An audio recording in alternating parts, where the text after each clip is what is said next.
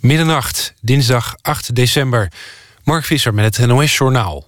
De band Eagles of Dead Metal heeft vanavond opgetreden in Parijs. Het is het eerste optreden van de band sinds de aanslag op het theater Bataclan... toen terroristen 89 mensen doden tijdens een optreden van de Amerikaanse band. De band kwam als verrassingsact het podium op tijdens de toegift van U2. De bandleden werden door het Parijse publiek als helden ontvangen. De man en de vrouw die vorige week een bloedbad aanrichtten in San Bernardino... waren al langer geradicaliseerd, zegt de FBI. Maar hoe lang is niet duidelijk.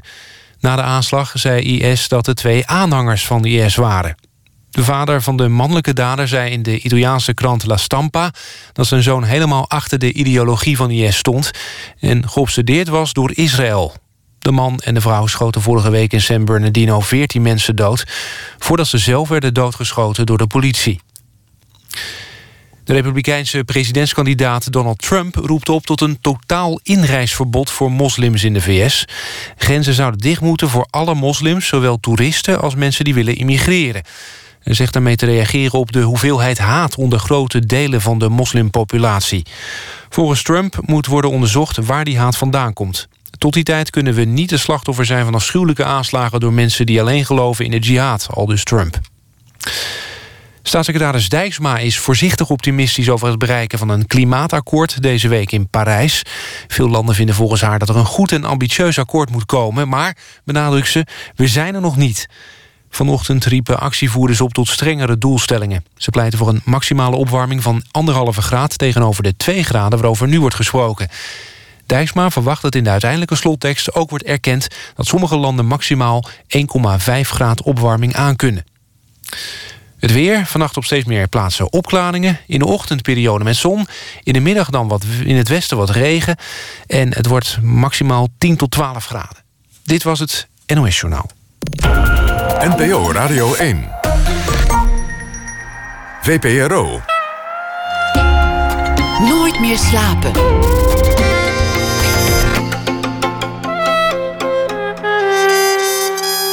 Met Pieter van der Wielen. Goedenacht en welkom bij Nooit meer slapen. Na één uur een gesprek met actrice en regisseur Abke Haring... over haar voorstelling Unisono. Over het streven om tot een gesprek te komen gaat dat. Alfred Schaffer schrijft deze week elke dag een verhaal voor ons... en zal dat na één voordragen. En alle 16-jarige Zweden krijgen een boek cadeau. En allemaal hetzelfde boek ook nog. Nachtcorrespondent Floortje Smit heeft het al gelezen... en het gaat over feminisme. We beginnen met eh, Dana Lixenberg. Sinds ze in 1990 verhuisde naar New York... heeft ze alle uithoeken van de Verenigde Staten gefotografeerd. Verticaal, van sterren als Prince, George Clooney en Iggy Pop... en rijkaards als Donald Trump... tot aan de hele armen in de projects in de arme wijken. Maar ook horizontaal kent ze het land in alle hoeken. New York, waar ze woont, tot Los Angeles... En ook eh, Florida en het noorden. Ze fotografeerde voor Newsweek, voor The New Yorker, voor Vice, voor Rolling Stone, maar ook zelfstandig voor exposities in andere projecten. In 1993 kwam ze voor het eerst in de wijk Watts in Los Angeles, waar ze in de projects Imperial Courts projecten maakte, of eh, portretten maakte. Dat was een roerige tijd daar. Dat was eh, kort na de rellen die in 1992 uitbraken... naar aanleiding van het politiegeweld tegen taxichauffeur Rodney King. Ze zouden regelmatig terugkeren vanaf 2008 en daarna eigenlijk altijd. Het leverde een expositie op die vanaf komende zaterdag te zien zal zijn in Amsterdam in Huis Marseille.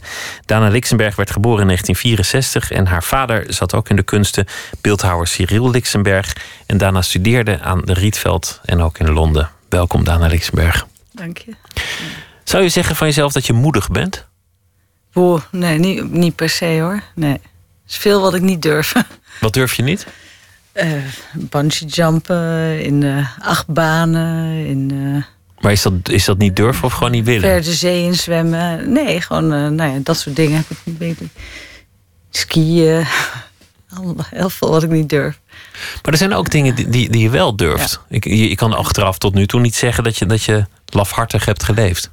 Nee, nee, nee, nee. Maar ik, ik weet ook niet of dat. Uh, ja, dat zie, misschien, dat zie ik zelf niet als, als dat je daar. Uh, ik, ik, neem aan dat je verwijst naar, naar, het werk wat ik heb gedaan, wat ik doe of wat ik heb gedaan. Of, ik verwijs naar het werk wat je hebt gedaan, waar we nog over zullen komen te spreken. Om, om, om zo'n wijk in te gaan waar, waar gangs heersen, waar, waar rellen zijn geweest, waar waarover je niks hoort en dat er geweld heerst. Plekken waar iemand, tenzij wanneer die er woont of er echt iets te zoeken heeft, nooit zal komen. En jij loopt er gewoon moederziel alleen met een camera naar binnen en een plan. Ja, maar zo is, het gaat natuurlijk niet zo dat ik, zomaar ergens zomaar binnenloop. Dat uh, is het altijd een soort uh, opbouw. En, uh, um, nee, want ik, ik, ik, ik ben geen oorlogsfotograaf. Ik, zou niet zo snel naar Syrië gaan, bijvoorbeeld nu. Dat, dat is andere. Ik, ik ben, ben er niet op uit om risico's te nemen. Maar het is natuurlijk wel zo met door fotografie, is wel een middel uh, ja, de, heel snel dingen die soms misschien uh, extreem voelen. Als je eerst met een camera komt, dan dat, dat valt dat uh, heel snel weg. Of ja, het, het is. het is, dat, ik, ik, het is een soort van. ja, het is een communicatie, het is een manier om contact te maken. Die ehm, camera die ontwapent jou ook een beetje. Want je hebt een functie, omdat je een fotograaf bent zodra je een camera hebt. Ja, ik ben in veel situaties geweest. Als ik daar niet met een camera zou zijn geweest, zou dat heel raar voelen om daar te zijn.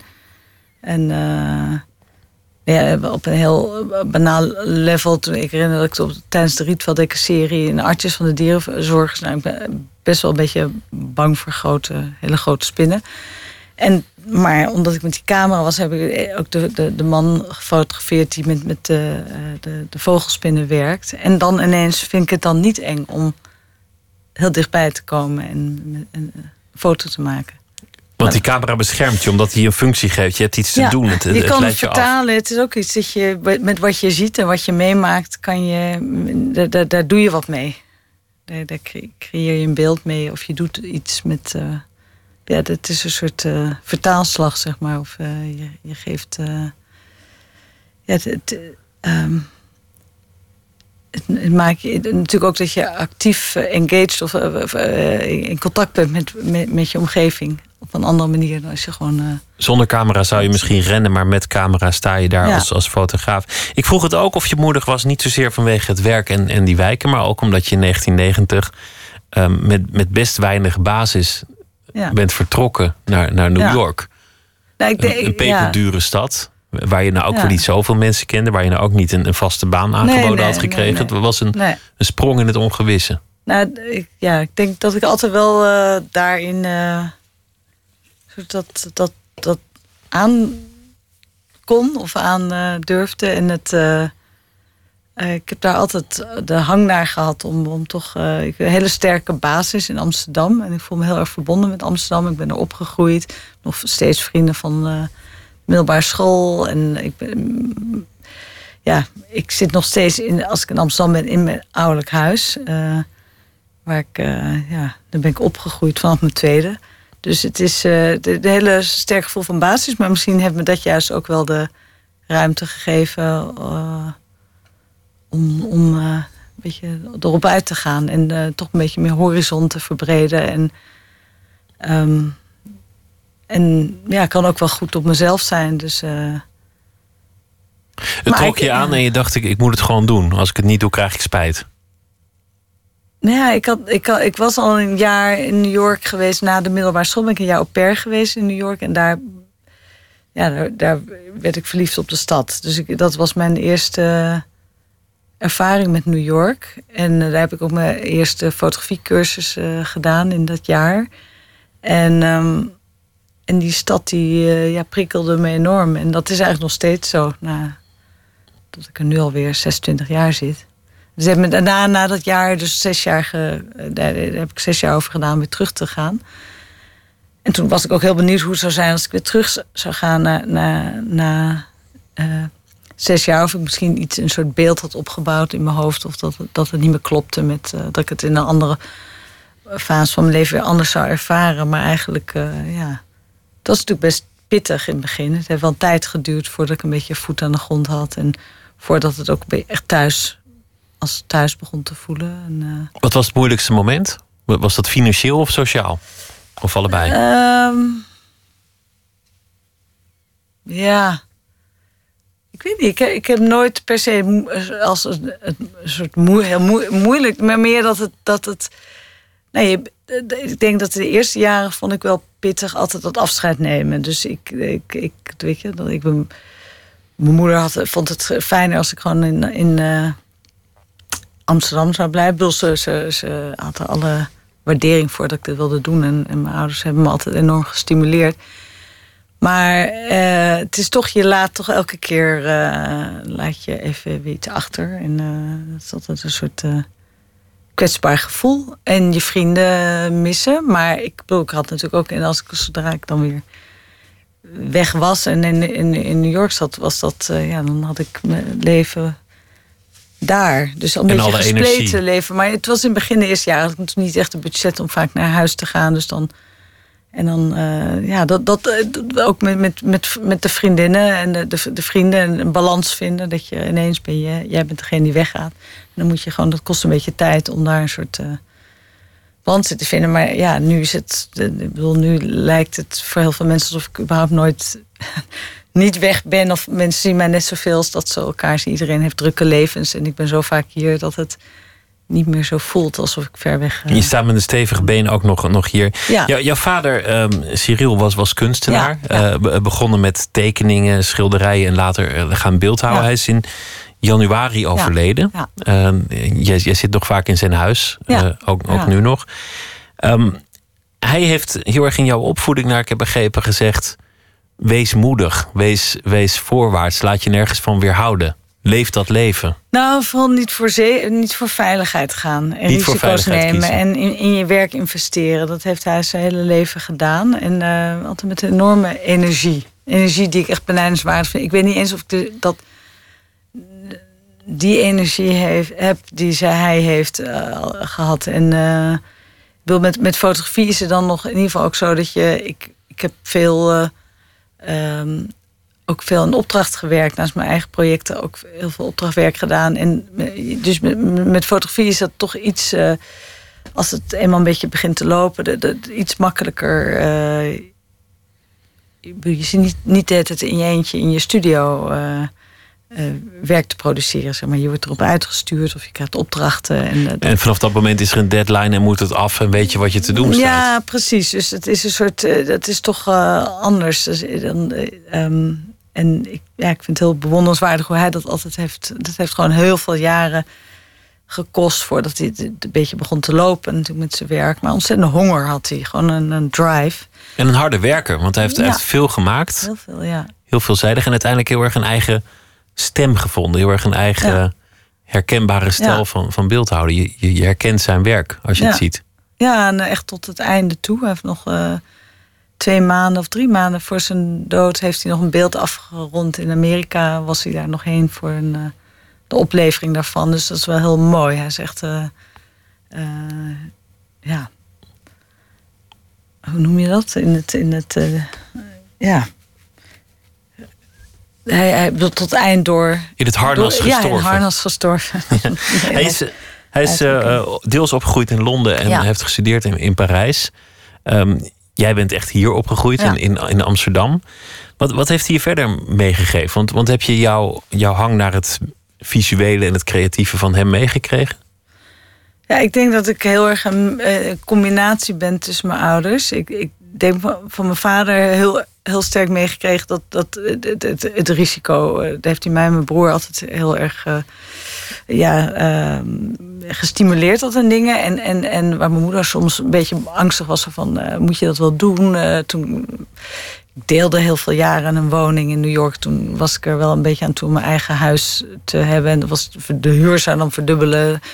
En dan is mijn moeder daar wat angstiger over. En mijn vader zei: Nee, moet je doen. Uh, je natuurlijk gewoon, weet je, risico's uh, nemen. En, maar, dus dat, dat zeker. En ehm, het is helemaal niet zo dat hij nou de hele tijd ons naar musea sleepte. En de hele tijd zijn kunst. hij was een aanwezige man in huis, maar niet dat hij de hele tijd met zijn kunst op ons maar hij inspireerde gewoon door te zijn. Ja, gewoon door hoe hij in het leven stond. Ik denk dat ik dat heel inspirerend vind.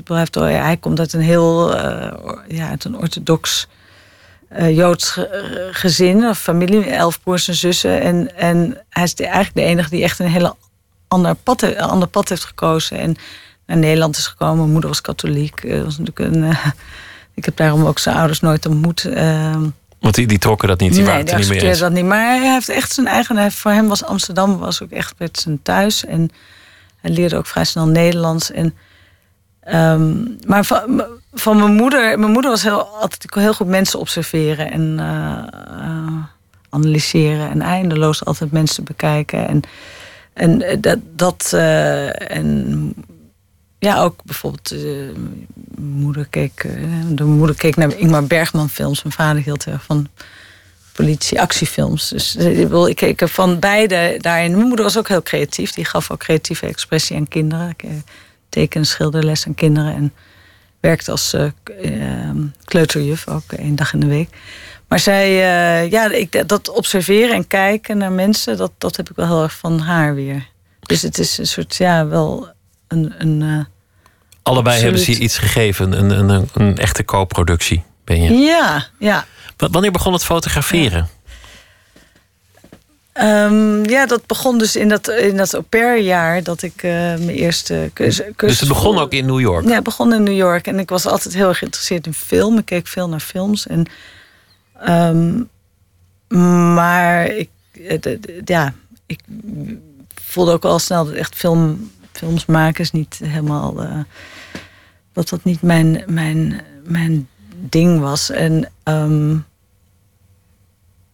dat je, ik ben sowieso, weet je, eh, dan moet je ook verhaallijnen uitzetten, schrijven. Het hele productionele aspect. Ik, ik doe ook meestal gewoon projecten waar de productie eigenlijk vrij eh, minimaal is. Waar je het allemaal zelf een beetje in de hand kunt ja, houden. precies. En, en ehm, ik dacht dat ik je technisch moest zijn om te fotograferen. Er waren van die jongens in mijn klas en die konden al een beetje de camera overweg en het licht meten. En eh, ik dacht dat dat heel ingewikkeld was. En dan kom je heel snel achter dat dat echt iedereen kan dat leren. En dat heb je ook zo eh, geleerd. Daar, zit het hem ook niet in. Maar ik, ja, ik, ik, ik ben toen een, ehm een avonduren een cursus gaan doen. En eh, toen was het eigenlijk meteen viel het op zijn plek. Ik, het is eigenlijk het gek dat ik me nu niet goed kan herinneren waar. Het is niet zo dat ik nou extreem met fotografie bezig was. Wel dat ik altijd op vakantie de foto's wilde maken. En, en dat ik een beetje de, de, de familiefotograaf was. Mijn vader ook wel, die maakte ook foto's. Maar ik vond het altijd leuk om eh, foto's te maken. Maar nee, het was gewoon de. Door die cursus kwam ik erachter dat dit een mogelijkheid was. Ik dacht, ik ga studeren. Eh, En was dat toen eigenlijk ook al wat je, wat je beschrijft over jouw werk in, in de wijken? Dat, dat die camera je een identiteit verschaft, een, een functie? Dat, dat je je anders tot de wereld verhoudt omdat je een camera ja, hebt? ik denk, waar, ik denk deels dat het, het, viel, het viel allemaal een beetje op zijn plek. Dat, dat, dat, het, dat ik denk dat het gewoon.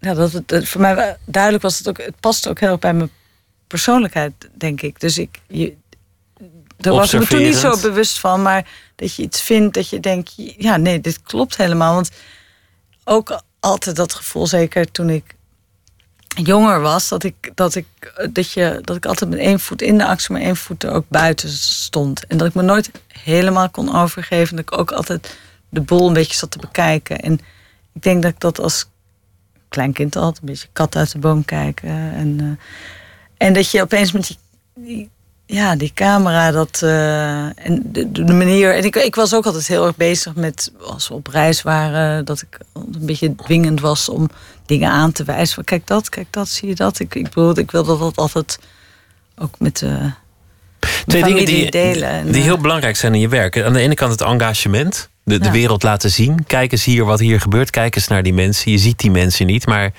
ik laat ze je nu zien Ja. met deze foto's. Kijk toch eens naar die mensen. Dat, dat is één Ja. streven wat heel erg in al jouw foto's zit.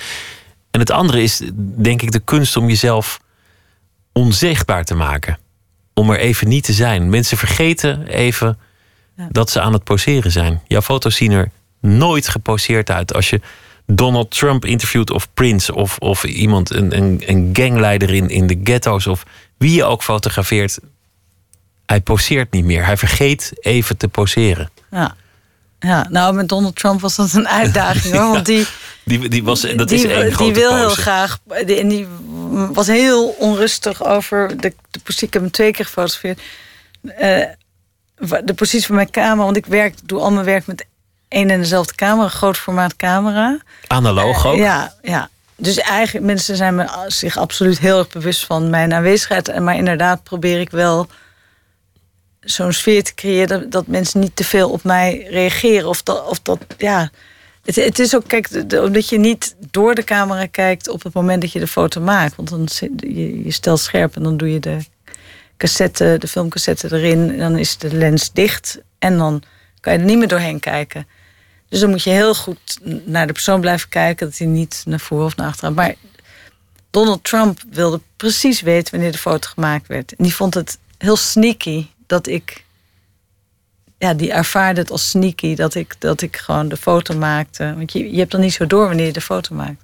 Ik sta gewoon naast de camera en ik kijk lijkt me, geen, lijkt me geen makkelijke man om, om te fotograferen. Omdat het zo'n wervelwind is, zo'n orkaan. Wat, wat ik dan uit de media ik, begrijp. Ik had ook echt maar nou, vijf minuten, tien minuten. En dat is, met die grote camera kan je niet veel schieten. Ik heb misschien bij die tweede shoot een paar velletjes kunnen schieten. Alleen wat, ja, dat dan weer de uitdaging is. Of dat, dat vind ik soms ook wel weer een kick. En dan krijg je een adrenaline rush. En dan moet je gewoon heel snel uh, beslissingen nemen. Over de, ik bedoel, dan heb ik niet de kans om even zo'n setup te doen en dan te veranderen van positie. Dan moet ik kijken van oké, hier ga ik het doen. En dit, dit, ik moet het gewoon in een paar. Maar hij wil, en dat geldt voor heel veel beroemdheden, hij wil iets uitstralen. Een bepaald imago wil hij overbrengen. Hij wil de wereld laten zien wie hij is. In het geval van Trump, eh, machtig, daadkrachtig en stinkend rijk, vermoedelijk. Ja. ja. Je hebt ook Prince gefotografeerd. Ik kan me voorstellen, dat, dat ken ik ook van verhalen van andere fotografen, dat daar flink veel onderhandeling aan vooraf gaat. En dat, dat je weinig tijd krijgt en dat het allemaal gehaast en toch nou, uh, moeilijk is. Met Prince had ik uiteindelijk best wel veel tijd uh, gekregen. Maar ik weet dat hij van tevoren was ik. Ja, ik was ontzettend zenuwachtig voor die shoot. Het was mijn eerste cover voor Vibe. En het was uh, best heel spannend allemaal. En dat. Uh, ik, ik wist dat hij de reputatie had dat hij. Ook als het hem niet beviel, dan loopt hij gewoon weg. Dan is hij gewoon klaar. Dus het is. maar het gekke is, ik was zenuwachtig van tevoren. En op het moment dat hij uh, binnenkwam, en dan, ja, dan moet je het toch overnemen en iemand uh, mij om hem te, op zijn gemak te, te laten voelen en, en, uh, Hoe doe je sturen dat? de shoot. En, en niet zenuwachtig zijn over. Nee, ik, moet, ik moet het een beetje sturen. Ja, dat doe je door wel ja, ik, ja, dit is niet. Het is altijd heel. Uh... Het is niet een truc die je. Nee, er is helemaal geen truc. Het is gewoon hoe je, denk ik, ik weet niet. Het, het is, uh, dat, is, dat is fascinerend. Ik vind dat heel interessant ook om te zien hoe andere fotografen werken en wat hun proces is, of hoe, hoe hun persoonlijkheid zich vertaalt uiteindelijk naar een beeld en hoe dat dan wat je losmaakt in iemand. En, maar voor mij is ik probeer nooit mensen heel erg in een ding te duwen. En ik, in zijn geval, je moet gewoon toch proberen heel snel, uh, ja, wat jij waarschijnlijk ook doet met jouw werk, dit mensen komen in je studio en dan moet je, je hebt jouw manier van werken, maar je probeert ook heel snel aan te voelen hoe iemand uh, in elkaar voelt steekt. of, of, wat, wat het, het, moment of de. Maar jij ziet geen sterren, volgens mij. Als jij, als jij kijkt naar, naar George Clooney of naar Penn, en dat zie je ook aan die foto. Nee. Voor jou is het helemaal Nee. geen beroemdheid, geen ster. En niet op het moment inderdaad dat ik de foto maak. Of ik vind het niet. niet eh, Maar het interesseert je ook geen donder of het een ster is. Nou, ik ik kan niet zeggen. Dat, dat is. Natuurlijk vind ik het heel. Ik vond het hartstikke spannend om Prince te fotograferen. En, en als je mensen kent door hun werk. Of, of je nou heel veel. eh, ehm, hun werk geweldig vindt of niet. Maar dat, dat, natuurlijk is het anders dan als je iemand. eh, eh, de, de, de, de, context. Want je hebt eigenlijk al een soort beeld van iemand. Met een bekend iemand, dan ken je, iemand- heb je iemands werk gezien, heb je misschien al een soort beeld. Maar het mooie is dat, dat je misschien in je persoonlijk leven, als je. eh, dan vind je heel snel iets of re- reageer je vaak veel primairder op. op, op, tenminste, ik ben ook. of ik, ik heb snel mening over iets en iemand, maar op het moment dat je fotografeert, dan laat ik dat ook helemaal los. Ik vind het ook heel. eh, Je wil gewoon kijken naar iemand. ja, en dan, dan eh, ja. Ja, voor iedereen is het een beetje dezelfde Methode. dagelijkse struggle. denk ik altijd. Ik bedoel, uiteindelijk leven zijn wel anders. En mensen, er is natuurlijk best een verschil tussen als je heel erg arm bent en heel erg eh, rijk. Dan, je kan niet, ik, ik wil dat eh, allemaal niet eh, natuurlijk bagatelliseren. Maar het is wel zo dat uiteindelijk de, de struggle en de emoties... en, en, en ik bedoel, voor iedereen is het, het, het beetje hetzelfde proces door het leven. Het blijft die, te- het blijft dezelfde het- en, en, en, en het is. en ik- probeer toch altijd dat iets te vinden waar ik me aan mee kan verbinden. Of wat mij. Daarmee zeg je eigenlijk dat er voor jou geen enkel verschil is tussen het fotograferen van een, een, ehm, iemand in, in, de, in de hele arme wijken van Los Angeles. Of, of eh, iemand die, die nou ja, een, een straatschoffie of een, of een, of een ganglid of, of wat dan ook. Of, of een superster.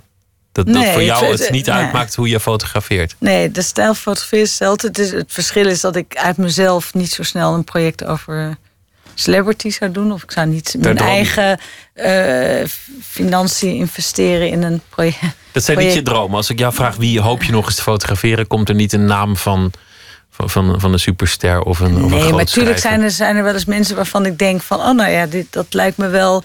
dat vind ik een heel eh, spannend persoon door wat hij doet. Of, eh, dat. Maar het gekke is dat je soms...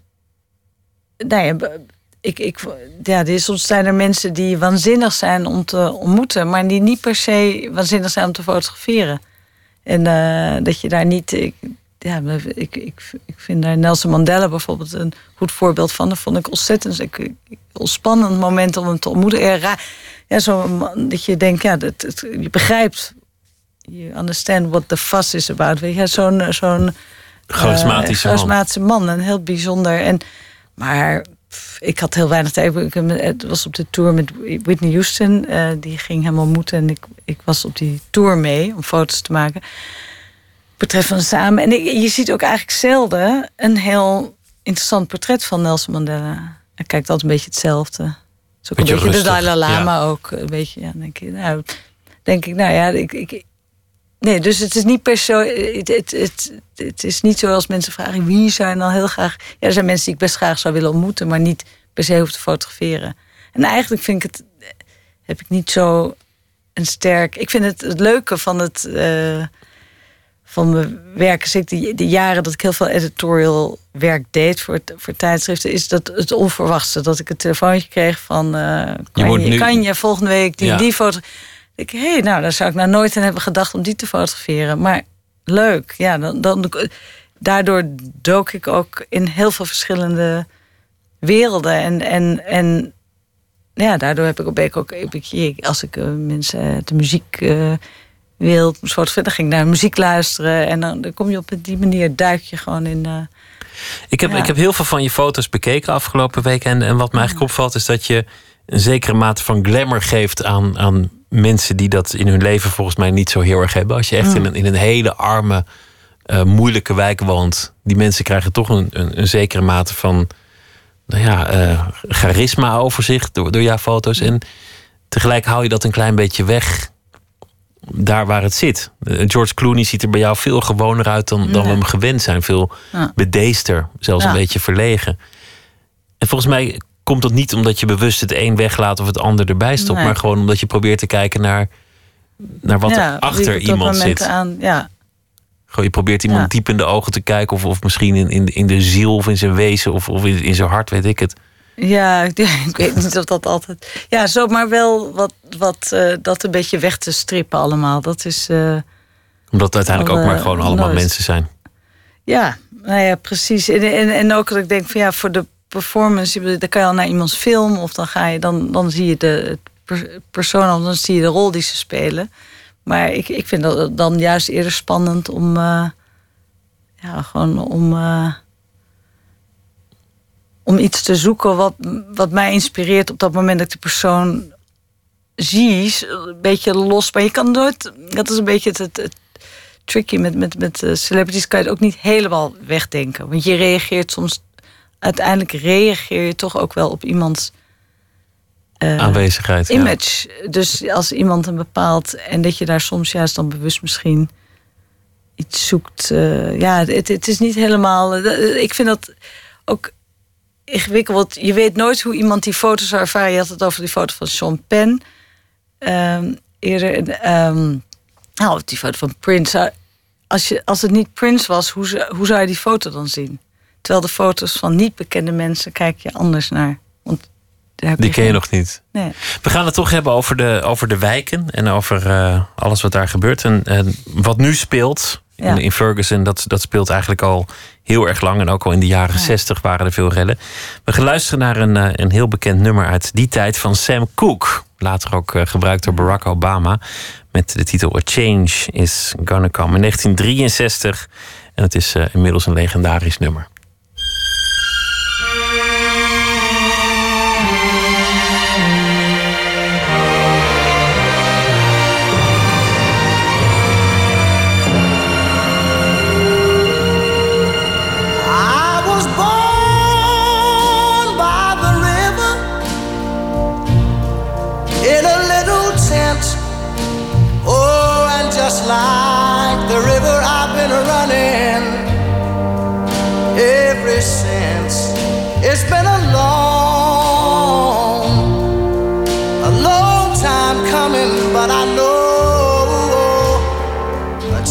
Gonna come. Oh, yes, it will.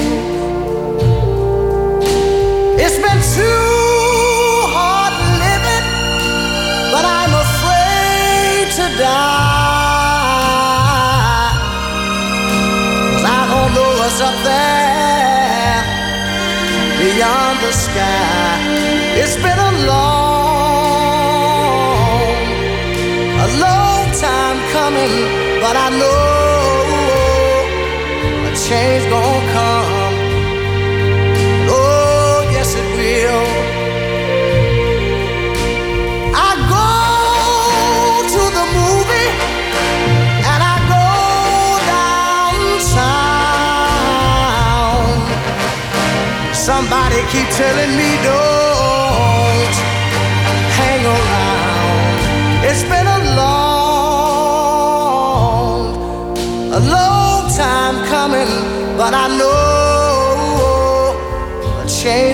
come.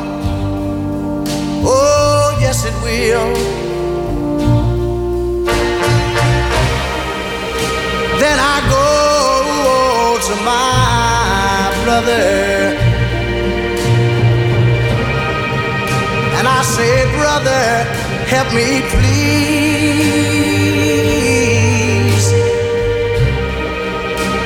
But he winds knocking me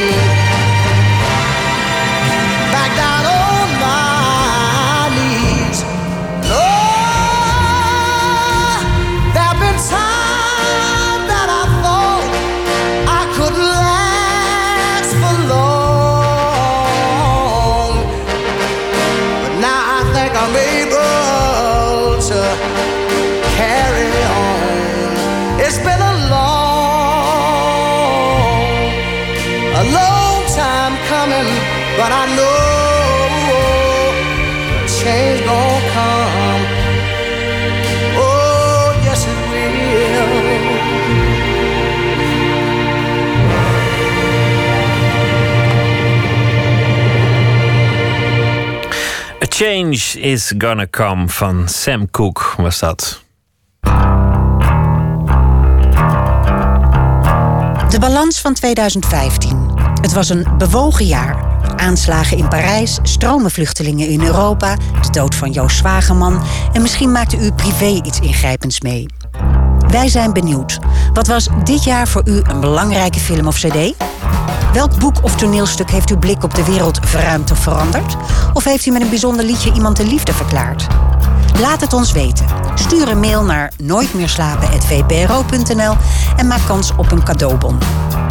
Uw mooiste verhalen zijn in de kerstweek te horen op de radio. U luistert naar Nooit meer slapen in gesprek met eh, fotograaf eh, Dana Lixenberg. Naar aanleiding van een expositie die zaterdag zal openen in Amsterdam in Huis Marseille. Over eh, eh, werk dat zij heeft gedaan in eh, de achterbuurten van Los Angeles. Om het, eh, Eén buurt, ja. Eén één buurt van, eh, van Los Angeles. Het was, ehm, nou ja, ik zei het net al, de- de- het is vaker gebeurd. Grote rellen in, in verschillende wijken in Amerika. 1965 was heel berucht, 1979. En 1992 denk ik wel de grootste. Naar aanleiding van Rodney King. Ja. Dit was exact in, in, in deze wijk waar jij eh, naartoe bent gegaan, Watts. Hoe ging dat? Wa- Wat was het idee? Wanneer dacht je, ik, ik moet er naartoe, ik moet mijn camera pakken en erop af? Eh, nou, eigenlijk zoals veel eh, later ook meerdere projecten eigenlijk tot stand zijn gekomen. Of, of dat ik op ideeën ben gekomen voor projecten. Is omdat ik ergens heen ging voor een... eh, toevallig ergens terecht kwam. In dit geval dus voor een opdracht voor Vrij Nederland. eh, die me naar... Ik, ik was met Rudy Kagi in eh, Los Angeles in, na de rellen. Ehm, hebben een reportage gemaakt over de, de her, wederopbouw van LA na de ja, na de Rodney King riots. En ehm, toen hebben we daar ook eh, een groepje mannen ontmoet. Die heette de Black Carpenters Association. Eh, ehm, ze hadden aannemersbedrijven, ze waren ook activisten. En eh, eigenlijk via hun... eh, ik, ik ben toen later... Ja, toen, het is wel heel erg blijven hangen. Maakte een enorme indruk om zo'n eh, die destructie te zien. En, en ja, toch een soort warzone was het. eh, en dat, ja, Want in Ja. 1991, d- er was dat filmpje. Dat was nog voor de tijd dat iedereen met zijn mobieltje een filmpje Ja. kon maken. Dus dat was iets schaarser dan nu. Politieagenten die Ja. rosten een, een, een taxichauffeur af. Eh, er kwam Ja. een proces, dat, dat, dat luwde de boel nog enigszins. Maar in 1992 om de werden- vrijspraak. kwam de vrijspraak van die agenten. Die wijk stond in de fik. Maar om het allemaal wat complexer te maken... waren er ook nog twee gangs die een oorlog Ja. met elkaar hadden. De. Crips en, eh, en, en die ander. En die, Blad, ja. de Bloods en de Crips. Dat kwam er eigenlijk nog doorheen. Dus je had een gangoorlog, een, een oorlog met de politie. Gewoon eh, armoede en, en mensen die probeerden een slaatje eruit te slaan door te plunderen. En die, die hele wijk lag in de as, zo'n beetje. Ja, ik denk juist in de tijd van de rellen kwamen de gangs een beetje bij elkaar. We hadden natuurlijk dezelfde vijand op dat moment. Dus ik denk dat dat op dat moment. En dat, en dat was ook wel in de tijd. tijd van de, de rellen was ook de tijd dat ze, dat ze al heel ver in dat vredesproces zaten. Dus in 92 is ook eh, ja, een vredesovereenkomst gesloten tussen de Crips en de Bloods. En daar was ook de, de, de gangleider van eh, uit Imperial Courts, de wijk waar ik dus mijn eh, werk heb gemaakt uiteindelijk. De, nou, hij was daar ook heel belangrijk eh, voor dat vredesproces. Ehm, Tony Bogart, die ik weer via die Black Carpenters had ontmoet. Dus eigenlijk was dat juist een tijd van een beetje hoop dat, nou, in ieder geval met die gang wars, dat dat een beetje ja, tot, tot rust zou komen. En, en dat alle aandacht, ja, het ging er toen juist heel erg om van er moeten gewoon wat dingen eh, veranderen. Sam Cooks uh, is vergeten, gonna maar, maar die change. Maar, Die maar jij, komt daar, gekomen, jij maar- komt daar met je, foto, met je fotoapparaat. Ze hebben natuurlijk de pers, echt de, de, de Ja. satellietwagens, die hebben daar Ja. rijen dik gestaan. Ja. Alle journalisten en cameraploegen uit de hele wereld Ja. zijn er geweest. En allemaal op zoek naar hetzelfde. Namelijk beelden van het verval, de armoede, het geweld, het vuur, de as. Jij wilde portretten maken. ja. Een, een heel ander plan. Hoe viel dat als je dat vroeg? Nee, ik heb dus via ehm, die jongens heb ik Tony Bogart ontmoet. En ehm, ik wist ook nog niet helemaal hoe ik het zou gaan aanpakken. Ik had een beetje een soort idee, ik wil portret van gangmembers maken. Het was natuurlijk eigenlijk een beetje, ook half een beetje vaag. Ik, wil, ik had een soort gevoel van dit wil ik gaan doen. Ik, ik was Maar je wist uit- ook niet precies wat je nee, wilde. want ik wist natuurlijk nog niet dat dat- je weet dit soort dingen. Het moet dan ook vorm krijgen door je. Het hangt er vanaf van de toegang die je krijgt en hoe het gaat lopen. Maar de, het, het gaat wel om je zet op een gegeven moment die eerste stap. Je hebt iets in je hoofd, daar ga je voor. En dan, ik was uitgenodigd om mee te doen aan een fotofestival, Naarden.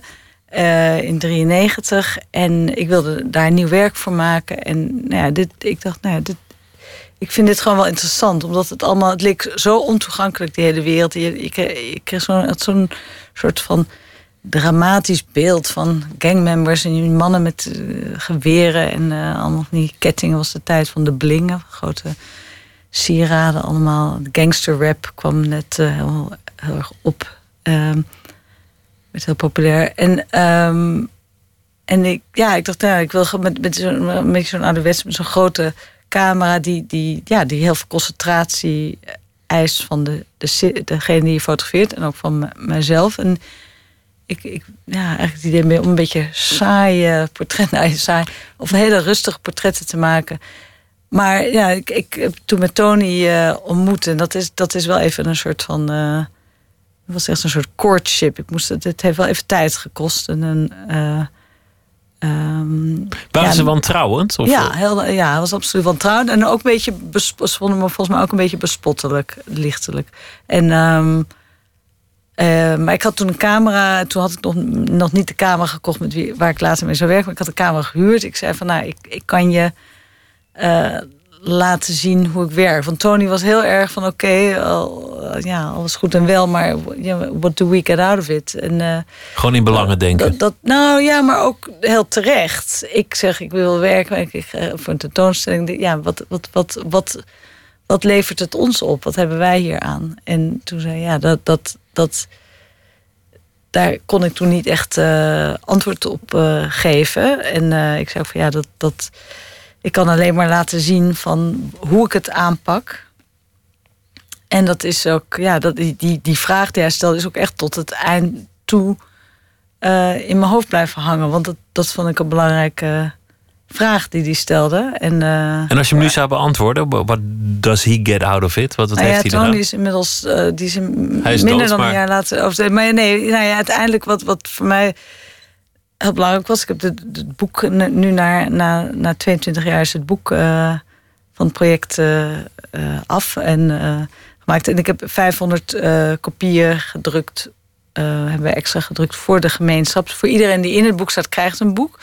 En ja, dat, dat was voor mij wel. Dat heb ik net in oktober. Hebben we daar een feestje gehad in de buurt, barbecue. En heb ik de, ben ik begonnen met de boeken uit te delen. Want ik heb nog lang niet iedereen gezien. Maar dat was wel een heel uh, belangrijk moment om echt concreet nu een soort resultaat te hebben wat zij in handen hebben, waar ook veel, ja, toch een beetje hun geschiedenis, uh, stukje geschiedenis van hun in staat. En, en ze krijgen een gezicht, allemaal. Ja. Mensen die, die toch een anonieme, boze menigte waren voor de hele wereld. De hele ja. wereld keek ernaar. En nu zijn het individuen met, met een gezicht. Je hebt voor ja. het eerst, dat, dat is een verandering in jouw loopbaan, voor zover ik kan overzien ook met audio en, en video ja. gewerkt. We gaan luisteren naar één fragment dat, dat vrij aan het begin van, van, van die reportage als het ware zit. En dat is iemand die eigenlijk zegt van nou ja, kijk maar rond in deze buurt, want het is een plek waar je normaal niet zou komen. We're on the end of the bull, you know what I'm saying? I'm from the funny side. We got four sides, you know what I'm saying? You know what I'm saying? You got the bull, the peel, the island, and the funny side. You know what I'm saying? Like I said, I'm from the funny side. You see my side on Imperial. Right now, we on the deep end of the bull. You know what I'm saying? You probably don't make it this far when you come to my hood, so we just giving you a little glance of this. You know what I'm saying? Take a sneak peek while you can. As close as you're gonna get. Hij uh, woont aan de funny side, zegt hij. Ja, dit is Dross. Hij is een uh, rapper. Hij, uh, hij rapt en hij is heel bewust van zijn image. En hij is altijd een beetje aan het soort van. Aan ja. het oreren. Ja, oreren, ja. Veel van de mensen die jij hebt gefotografeerd door de jaren heen, die leven inmiddels niet meer. Ja, dat klopt. Dat valt op in, in, in het boek. Veel mensen zijn door geweld om het leven gekomen, of, of, of soms ook door andere dingen. Maar heel veel mensen die, die hier dan ook soms heel liefelijk en heel zachtaardig en onschuldig staan, die zijn gewoon dood. Ja. ja dat, dat duidt er toch op dat het, dat het een, een ruige buurt is, of niet? Ja, en er staat ook één, iemand in die verantwoordelijk is voor de dood van een ander, die ook in het boek staat. En hij zit nu. De een zit vast voor de moord op ja. de ander. En jij hebt ze allemaal even zachtaardig geportretteerd.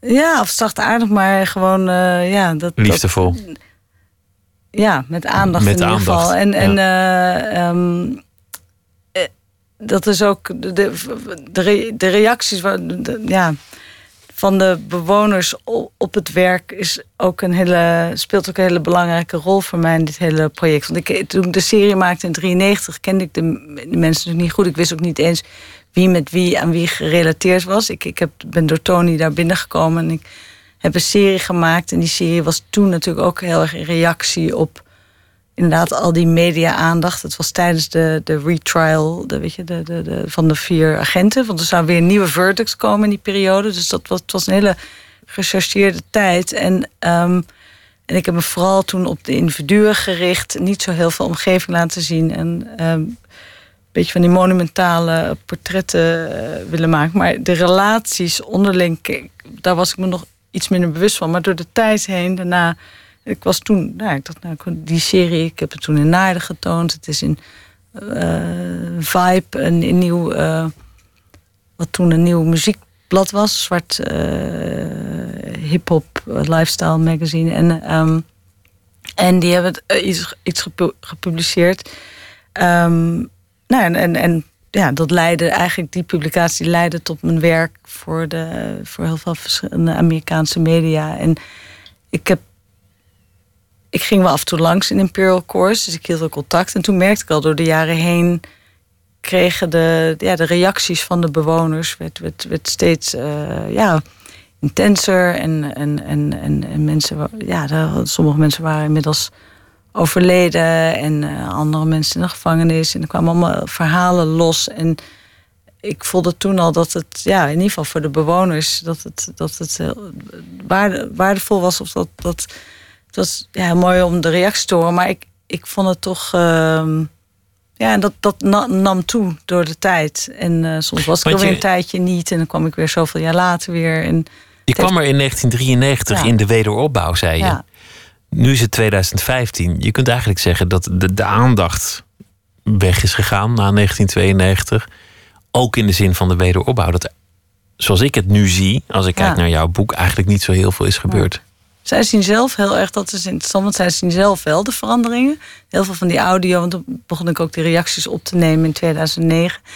Dan zeggen ze, oh, that's when it looked like the projects. The projects were dirty in 93. En dan vinden ze het nu een stuk beter. Maar als jij naar de foto's kijkt, zie je dat niet. En dan, dan lijkt het eigenlijk allemaal nog op elkaar. En, en de condities zijn gewoon nog niet veranderd. En de, de gangword is minder gang violence. En de, de, tussen de, de oorlog tussen Crips en Bloods, ja, dat, dat leeft niet meer op dezelfde manier. Maar je hebt bijvoorbeeld wel spanningen tussen verschillende groepen Crips. Dus je hebt de Grape Street Crips, die zitten vlakbij. En die zijn uh, wel, daar is heel veel spanning met de PJ Watts scripts uit Imperial Courts. Dus het, is, het gaat nu zijn meer kleinere groepjes die tegen elkaar strijden. Maar het is vooral wat gewoon schrijnend is, is dat het. Uh, en dat het nu eigenlijk ook wel weer in, natuurlijk in het laatste jaar door alle gebeurtenissen in het land duidelijk geworden dat, ja, dat het hele rechtssysteem is enorm scheef. En het feit dat de meerderheid van de jongens en ook heel veel van de meisjes die ik heb gefotografeerd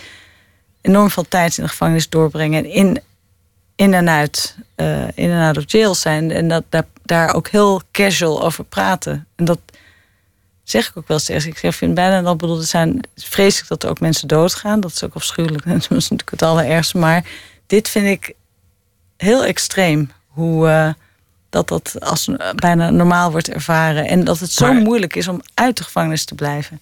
Maar hoe zie je de Amerikaanse droom? Want de Amerikaanse droom zegt dat als je, als je voor een dubbeltje bent geboren, je makkelijk een dollar kan worden. Ja.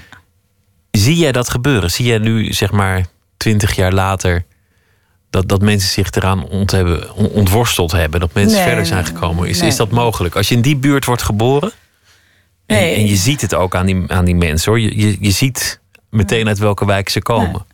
Nee, dat werkt heel inderdaad stigmatiserend. En ik denk, ik steek af. Ik, ben een buitenstaander, ik ben blank, ik kom naar binnen. Maar als je middelklas African American bent en je gaat daar de buurt uh, in, dan, dan steek je net zo veel af. Dan, valt het. Ik, zie ook, is het ook meteen duidelijk dat je daar niet hoort. En bij mij is het dan misschien nog een voordeel dat ik niet Amerikaans ben, maar dat ik uh, buiten, dat ik uit een ander land kom. Waar we En passant heb je, uh, want je noemde de gangster rap, die kwam op in de jaren negentig. Je hebt de, de twee beroemdste en ook allebei dood en allebei uh, op het hoogtepunt van hun roem vermoord. Allebei gefotografeerd, namelijk Notorious Big, B.I.G. en uh, Tupac. Ja. Hoe ging dat? Nou ja, dat kwam eigenlijk, dat was een van de, Tupac was een van de eer, bijna een van de eerste klussen die ik deed voor Vibe. Na mijn werk en dat was ook een portret, een zwart-wit portret wat ik deed. Daarnaast mijn werk, voornamelijk ben ik in kleur gaan werken. Ehm, maar ehm, ja, dat was heel erg, dat vond ik wel mooi van dat blad Vibe. Voor mij was het een heel belangrijke creatieve samenwerking met hun. Want zij, zij wilden, zij waren eigenlijk het eerste uh, muziekblad wat dan ook rap op een andere manier daarna gewoon echt heel serieus benaderde. En Tuurlijk deden ze ook wel eens shoots waar het wel iets meer uh, ehm, misschien soms wat clichématiger was, maar ze, ze hadden ja een hele brede ehm, blik. Of ze, inhoudelijk gingen ze, eh, ja, gingen ze de breedte in. En dat was heel interessant. Dus ik kon, je kon veel meer eh, introspectieve portretten maken. eh, en en ehm, ja, dus eigenlijk, ik heb daar, nou- ik, ja, dat dus dat portret van Tupac was ook een beetje eigenlijk in de. Maar zoveel foto's zijn er niet van, van, van beide heren gemaakt. Ze Nou- zijn allebei legendarisch geworden, maar het is natuurlijk een heel korte periode. Ja, En, en de meeste foto's die kwamen vanuit hun eigen entourage. Ja. Dus heel erg poserend met, Ja. met dollars en, en, en wapens en goud. Maar weinig serieuze fotografen die een poging hebben gedaan om ze te vangen, om er iets meer mee te doen. Nee, dat, nou ja, Tupac is wel, die was natuurlijk heel knap en die speelde ook in films en die, die, die, is, die, die, die is veel gefotografeerd, maar inderdaad heel vaak een beetje zo meer illustratief in zo'n studio met een beetje Het een imago idee, ja, met een idee, ja, en dat, dat had je natuurlijk sowieso ook wel een soort van stroming in de editorial fotografie, wat allemaal wat meer ja, wat ook eh, begon natuurlijk een tijd. En Libovits met, met al die, die, die Whoopi Goldberg en dat bad met melk, zeg maar. En, en je had David LaChapelle. Had weer zijn eigen manier van eh, De echte illustraties maken. Ja. Ja. of ook wel, ja, het glamour, maar ook gewoon meer idee, van een beetje van die ver, ver- ja, ideetjes of zo. Of iets geks ermee doen. Of eh, ja, de- iets wat. eh, en ik vond het juist spannend, fijner om gewoon heel. dit is achteraf heel bijzonder om het gewoon juist heel stripped down, heel direct of heel zo helder mogelijk te kijken. Tenminste, zoals, zoals, ik dat zie. Ik je probeert beelden te maken. Zo, ik probeer beelden te maken zoals ik graag naar mensen kijk. Of wat ik. eh, Bij jou gaat het altijd om de blik uiteindelijk van iemand. Een, een blik die iets zegt. En, en eh, je, hebt, je hebt ook projecten gedaan in Rwanda. Je hebt projecten gedaan in Nederland ook nog heel veel. eh, over Amsterdam. Over, naar aanleiding van de serie Adam en Eva. Over de mensen die alleen sterven en door de gemeente moeten worden begraven. Heb je ook nog foto's eh, gemaakt. Je hebt Inuit eh, gefotografeerd in een, in een gebied dat door, de, door het smelten van het ijs wordt bedreigd. Die eigenlijk hun land moeten verlaten. En in die reeks zat één foto van een man met een hoed. Die heel anders was dan de andere. Het was, het was volgens mij niet eens een, een Inuit. En die, die keek in die lens. En toen dacht ik, volgens mij gaat het jou uiteindelijk om, om een blik. Een blik die iets zegt als je iemand fotografeert. Volgens mij is dat wanneer jij denkt, nu heb ik een foto. Ja, terwijl dat, is natuurlijk die, die Zet Amsterdam-serie was helemaal zonder mensen. Dat is- dat is helemaal maar ja, zonder daar, mensen. waren een beetje portretten van locaties. Nee, maar de- ja, de blik, ja, dat is natuurlijk het toch. De ogen zijn natuurlijk altijd eh, lichaamstaal en, en eh, een blik. Dat is eindeloos. Maar, maar weet, je, Inspirerend, ja, dat- weet jij wanneer je het hebt? Want, want volgens mij, jij, jij fotografeert met een vrij traag apparaat. Altijd analoog. Ja. Je, je kijkt alsof het een soort polaroidje is. Je, je wappert een beetje en dan zie je of het iets is. Maar eigenlijk weet je het vaak al. Je weet al nu, nu heb ik het, nu, be- nu begint Oeh, het. ja, nou, ik weet, het, ja, ik weet het. En soms weet je het ook niet. En soms eh, lukt het niet. Of dan denk je, het komt niet, het komt niet. En dat is ook altijd, eh, het is niet altijd altijd... eh, je kan altijd wel een oké portret maken. Maar net dat wat een beetje specialer is. Dat, dat, daar, daar zoek je natuurlijk altijd naar. Of net iets wat het een soort van... Het, eh, dat is ook... eh, zelfs als je een interessant onderwerp hebt... De, de, ja, je probeert dan toch. eh, Ja, elke keer wil ik iets maken wat. wat dan waar ook net misschien een beetje. Een, wat iets nieuws kan vertellen. Of wat, dat beeld wat je ook. Dat je het ook uit de context kan, van het verhaal kan halen. En dat het op zichzelf kan staan. Dat het een sprekend beeld is. Of. Want ieder, ieder, iedereen, zeker tegenwoordig, kan op een knopje drukken en een foto maken. ja. En, en iedereen hoeft, je hoeft ook niet meer te kunnen ontwikkelen. Je hoeft ook niet meer eh, te weten hoe je een rolletje in dat ding krijgt. ja. En toch kan niemand een foto maken zoals jij dat kan. Om- Omdat je je eigen stijl hebt, je eigen stem. Ja, nee, maar dat is natuurlijk. Maar dat, dat, dat kan je zelfs. Dat, je hebt mensen die met hele kleine instrumenten ka- kamers werken. en daar ook een heel, heel mooi hun eigen stem in kunnen leggen. Dus dat, dat is natuurlijk interessant. Dat je, iedereen heeft een andere manier van kijken. Maar tuurlijk, in, in een tijd dat je zoveel eh, beeld ziet. dan zie je ook dat er gewoon heel veel. is heel veel oninteressant beeld. Of mensen die. die ja, gewoon, Het wordt inwisselbaarder. het wordt wisselbaar, maar te- tegelijkertijd is het dat soms bijvoorbeeld... Ja, ik vind het wel interessant, zoals met de fotojournalistiek. Dat, dat is natuurlijk best een uitdaging voor die voor die branche, is dat, dat, je, dat je soms, dat, zeg maar, amateurs of mensen die op een plek leven en met een iPhone dingen documenteren, dat dat soms bijna sprekender is dan als je een hele mooie, uh, ja, mooie compositie of een fotojournalist die een, een, prachtige compositie maakt. Dat, dat is niet altijd, uh, dat vertelt niet altijd meer. De magie is er nog, nog steeds niet vanaf van de fotografie. Voor um, oh nee, nee, ja, nee, maar nee, het is, het is er nooit. Maar het, het, ik vind het wel altijd, het blijft een uh, uitdaging. Het altijd, je hebt altijd het gevoel van: God, wat ik opeens morgen het kwijt ben en het niet meer zie of niet meer. En, en soms ben ik ook wel dat je, ja, juist doordat er zoveel beeld is, daarom vind ik het ook fijn om met deze camera te blijven werken en heel rustig te werken. Want uh, ik, ik kan ook niet, dat zou voor mij niet werken, gewoon de straat op een headset, maar foto's maken. Dat, het is allemaal zo'n. Uh... Een moment van vertraging, dat heeft het ook nodig. Dat is waarschijnlijk ook deel van de, de magie van, van die portretten. Dat, dat het even tijd heeft gekost. Ja, dat iedereen even moest afremmen. Kijk, het forceert. Ik, ik, ja, het is, ik vind het. Uh, ik vind zo in, in mijn leven vaak keuzes maken heel moeilijk. Maar met die camera, die, dat dwingt me ook dat, om ja, heel erg zorgvuldig te kijken. En uh, ja, dan moet je dan. dan in die concentratie moet je keuzes maken. En dat, dat uh, vind ik altijd een spannend proces. Maar nee, ik, vind het, ik vind het fantastisch werk. Echt heel bijzonder. Alle, alle ontmoetingen die ik heb gehad. En nou ja, zoals, vooral met dit project is voor mij echt een heel. Ja, het is gewoon zo'n deel van mijn leven. En ik voel me nu heel erg verbonden met de buurt. Het is net als ik het, mijn ouderlijk huis, de Leliegracht. Het is New York en er is Imperial Court. Zo voelt het een beetje. En inmiddels ken je alle hoeken van de Verenigde Staten. Van, van, van noord naar zuid. En, maar vooral ook, ook verticaal. Ja. Van, van, van, uh, nou ja, van de, de, leden van de Crips tot aan Donald Trump. Dat, veel groter kunnen die uitersten niet worden eigenlijk. Ja, ja, nee. Je begint het land langzaam te begrijpen. Iets wat je eerst ja, fascineerde. Nee, dat, dat, dat zeker. Maar dat, dat, uh, dat vind ik daarom... Uh, ik heb de laatste jaren inderdaad een aantal projecten in Nederland gedaan. Dat vond ik heel leuk om op die manier weer mijn eigen land een beetje te Als halve buitenstaander. Kennen. Ja. Want je kijkt ook frisser hè, als je er niet helemaal in zit. Ja, misschien wel. Of dat helpt. Je blijft altijd. Uh, dat is natuurlijk met dat heen en weer reizen. Je komt weer thuis en vallen weer dingen heel erg op hier. En dan kom je weer aan in New York en dan vallen daar weer heel erg dingen op omdat je hier een tijdje bent geweest. Het is.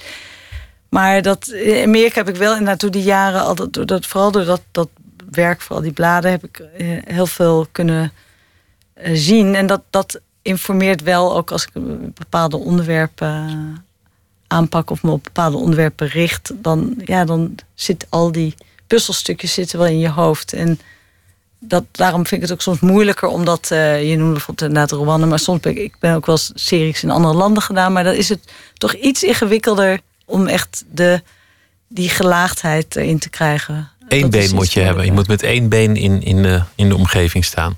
Niet met geen been. En ja, en ja, precies. En, maar, en ook gewoon op een gegeven moment steeds meer. Het helpt natuurlijk hoe meer je weet. Het is niet eens zo dat je dat allemaal per se. Dat, je heel, dat ik me voor elk beeld enorm moet voorbereiden. Maar meer dat je toch al die kennis en informatie. Uh, stapelt zich op en uh, het informeert wat je doet. Vanaf zaterdag eh, te zien in Amsterdam in, uh, in Huis Marseille. De, de serie van 1993 tot 2015 gemaakt door Dana Lixenberg. Dankjewel dat je te gast wilde zijn. Heel veel succes met uh, de opening. En heel veel succes met alles wat je verder nog gaat doen in de Verenigde Dank Staten. Je. Dankjewel. Dank je. We gaan zo meteen uh, verder. En uh, dan krijgt u onder meer een, uh, een verhaal bij de afgelopen dag. Dat komt van Alfred Schaffer deze week. We gaan het hebben over het feminisme. En we gaan het ook hebben over de voorstelling Unisono met Abke Haring, actrice en regisseur. Gaat over het streven om tot een gesprek te komen. Dat allemaal zometeen via Twitter, @vpro_nms. En u kunt ons ook volgen via Facebook. Tot straks.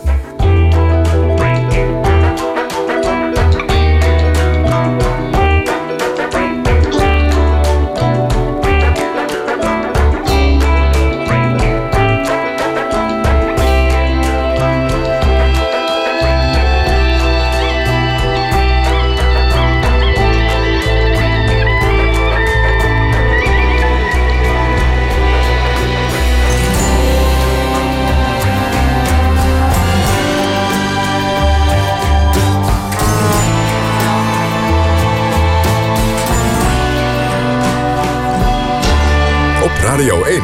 Het nieuws van alle kanten.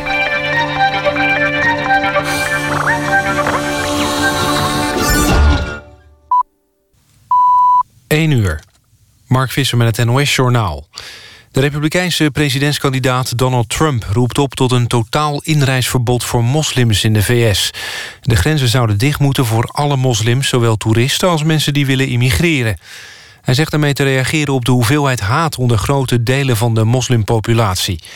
Volgens Trump moet worden onderzocht waar die haat vandaan komt. Trumps opmerkingen komen nadat vorige week een moslim-echtpaar... in het Californische San Bernardino 14 mensen had doodgeschoten. Voor het eerst sinds de aanslagen in Parijs... hebben de Eagles of Dead Metal weer opgetreden.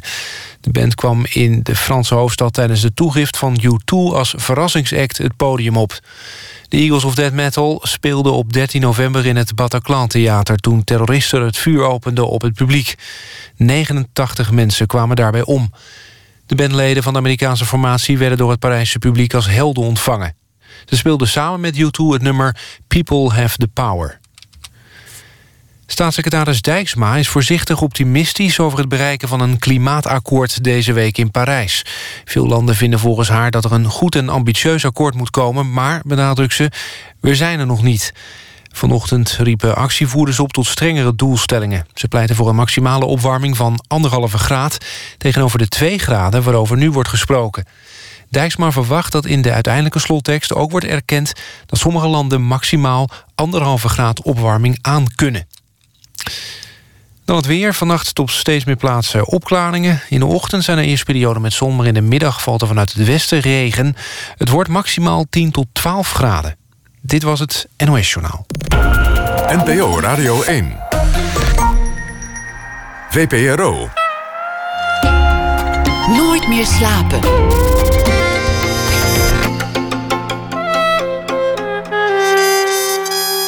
Met Pieter van der Wielen.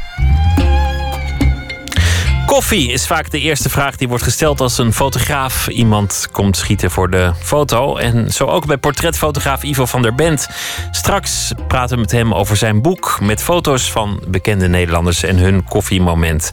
We praten ook met actrice en regisseur Abke Haring. Vorig jaar won ze nog de Theodor voor beste actrice. Nu heeft ze een eigen productie Unisono, een monoloog over het zoeken naar een gesprek. We beginnen met Alfred Schaffer. Hij woont in Zuid-Afrika, hij is dichter en deze week zal hij elke nacht iets schrijven over de voorbije dag. Debuteerde in 2000 met de bundel Zijn opkomst in de voorstad. Daarna volgden dwaalgasten, Schuim, Kooi en meest recent vorig jaar Mens, Dier, Ding. Goeienacht, Alfred. Goeienacht, uh, Pieter. Leuk dat je deze week elke nacht een, uh, iets voor ons wil schrijven over de voorbije dag. Laten we Ja. maar meteen beginnen. Wat, uh, wat is je bijgebleven van deze dag? Um, nou ja, de, deze dag is natuurlijk uh, voor jou iets anders dan, dan voor mij. Omdat jullie, of jij zit in Europa en ik zit in Afrika. Dus het nieuws is wat anders gecentreerd, wat anders gegroepeerd. Um, en um, nou ja, wat hier in het nieuws is, is zijn, zijn berichten rondom het ANC, rondom de erfenis van Mandela. Dat is heel erg groot op dit moment, omdat uh, Julius Malema, een, uh, een populistische politicus van de EFF, Economic eh, Freedom Fighters, uh, de, de erfenis van Mandela een beetje aan het aanvechten is. Hebben zij niet in de tijd uh, van de overgang van de apartheid naar de democratie te veel prijs gegeven, te veel onderhandeld. Wordt een beetje beticht dat Mandela een, een sell-out is, zou je kunnen zeggen. Dus dat is heel groot in het nieuws hier natuurlijk. Vorige week was uh, Oscar Pistorius opnieuw in het nieuws. Hij uh, kan nu een moordenaar genoemd worden. En um, nou ja, wat, wat hier erg ook in het nieuws is, het is bij jullie natuurlijk ook heel erg anders, maar wat hier erg speelt is dat het uh, een enorme droge periode gaat worden. Um, ik heb die dingen iets geprobeerd te verbinden. Ik, ik, heb, ik heb, nog een klein uh, kind, die natuurlijk niet echt opgroeit met, met kinderfeesten. die in Nederland gebruikelijk zijn. Maar goed, er is bij jullie iemand weg uh, als het goed is, dit weekend. En uh, ik dacht, ik verbind wat zaken met elkaar. Um, nou ja, goed. Kijk nou, het, ik, ik ben benieuwd. Ga je gang.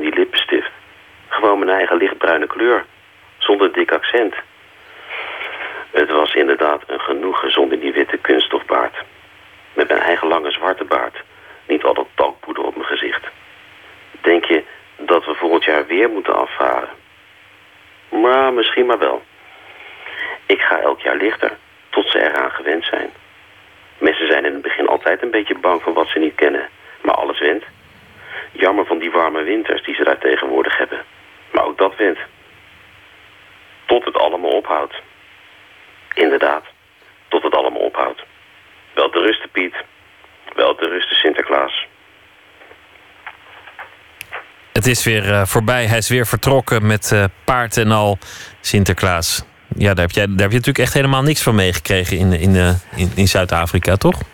Nee, hier wordt niet aan Sinterklaas gedaan. Ik denk dat het feest ook onder hevige kritiek zou. zou ik denk, ik denk dat de discussie daar toch ook weer heel anders gevoerd zou worden dan, dan hier op zijn eigen manier. Ja, ik neem aan van wel, ja. Alfred, dankjewel voor, uh, voor het verhaal, voor het verbinden van een aantal dingen die die in het nieuws waren, daar en hier. En uh, morgen nacht weer een verhaal. Goeienacht. Ja, goedenacht. The World Owes Me Nothing is de titel van het tweede album van uh, zangeres Lea Kliphuis. We draaien de single Sweet Morning Sounds.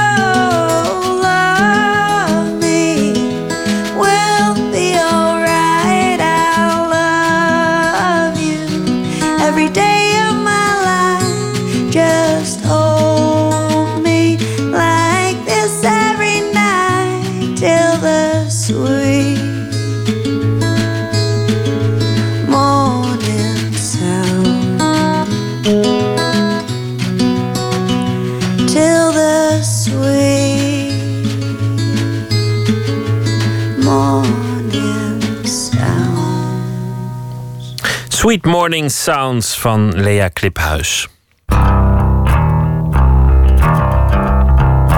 De balans van 2015. Het was een bewogen jaar. Aanslagen in Parijs, stromen vluchtelingen in Europa, de dood van Joost Zwageman en misschien maakte u privé iets ingrijpends mee. Wij zijn benieuwd. Wat was dit jaar voor u een belangrijke film of cd? Welk boek of toneelstuk heeft uw blik op de wereld verruimd of veranderd? Of heeft u met een bijzonder liedje iemand de liefde verklaard? Laat het ons weten. Stuur een mail naar nooitmeerslapen.vpro.nl en maak kans op een cadeaubon. Uw mooiste verhalen zijn in de kerstweek te horen op de radio. Nooit meer slapen. Als je een eh, afspraak hebt met een onbekende, je moet bij iemand langs om een foto te maken bijvoorbeeld, dan wordt meteen bij binnenkomst de vraag gesteld of je koffie wil. Fotograaf Ivo van der Bent maakt het regelmatig mee, want hij maakt portretfoto's bijvoorbeeld voor Het Parool en voor de Volkskrant en Volkskrant Magazine. Zo komt hij bij veel bekende Nederlanders thuis, bij eh, Wim T. Schippers, Roger van Bokstel, Katja Schuurmans, Gijs Groenteman, eh, Michael Bogert en zelfs Thijs van der Brink ontving hem thuis. Elke keer weer maakt hij gebruik van het aanbod en neemt hij gratis een kop koffie en een foto. En maakt meteen ook één foto van de eigenaar van het huis met de koffie. En dat is een eh, boek geworden. Koffie, vraagteken is daarvan de titel. Botte Jellema die ging op bezoek en op de koffie bij Ivo van der Bent.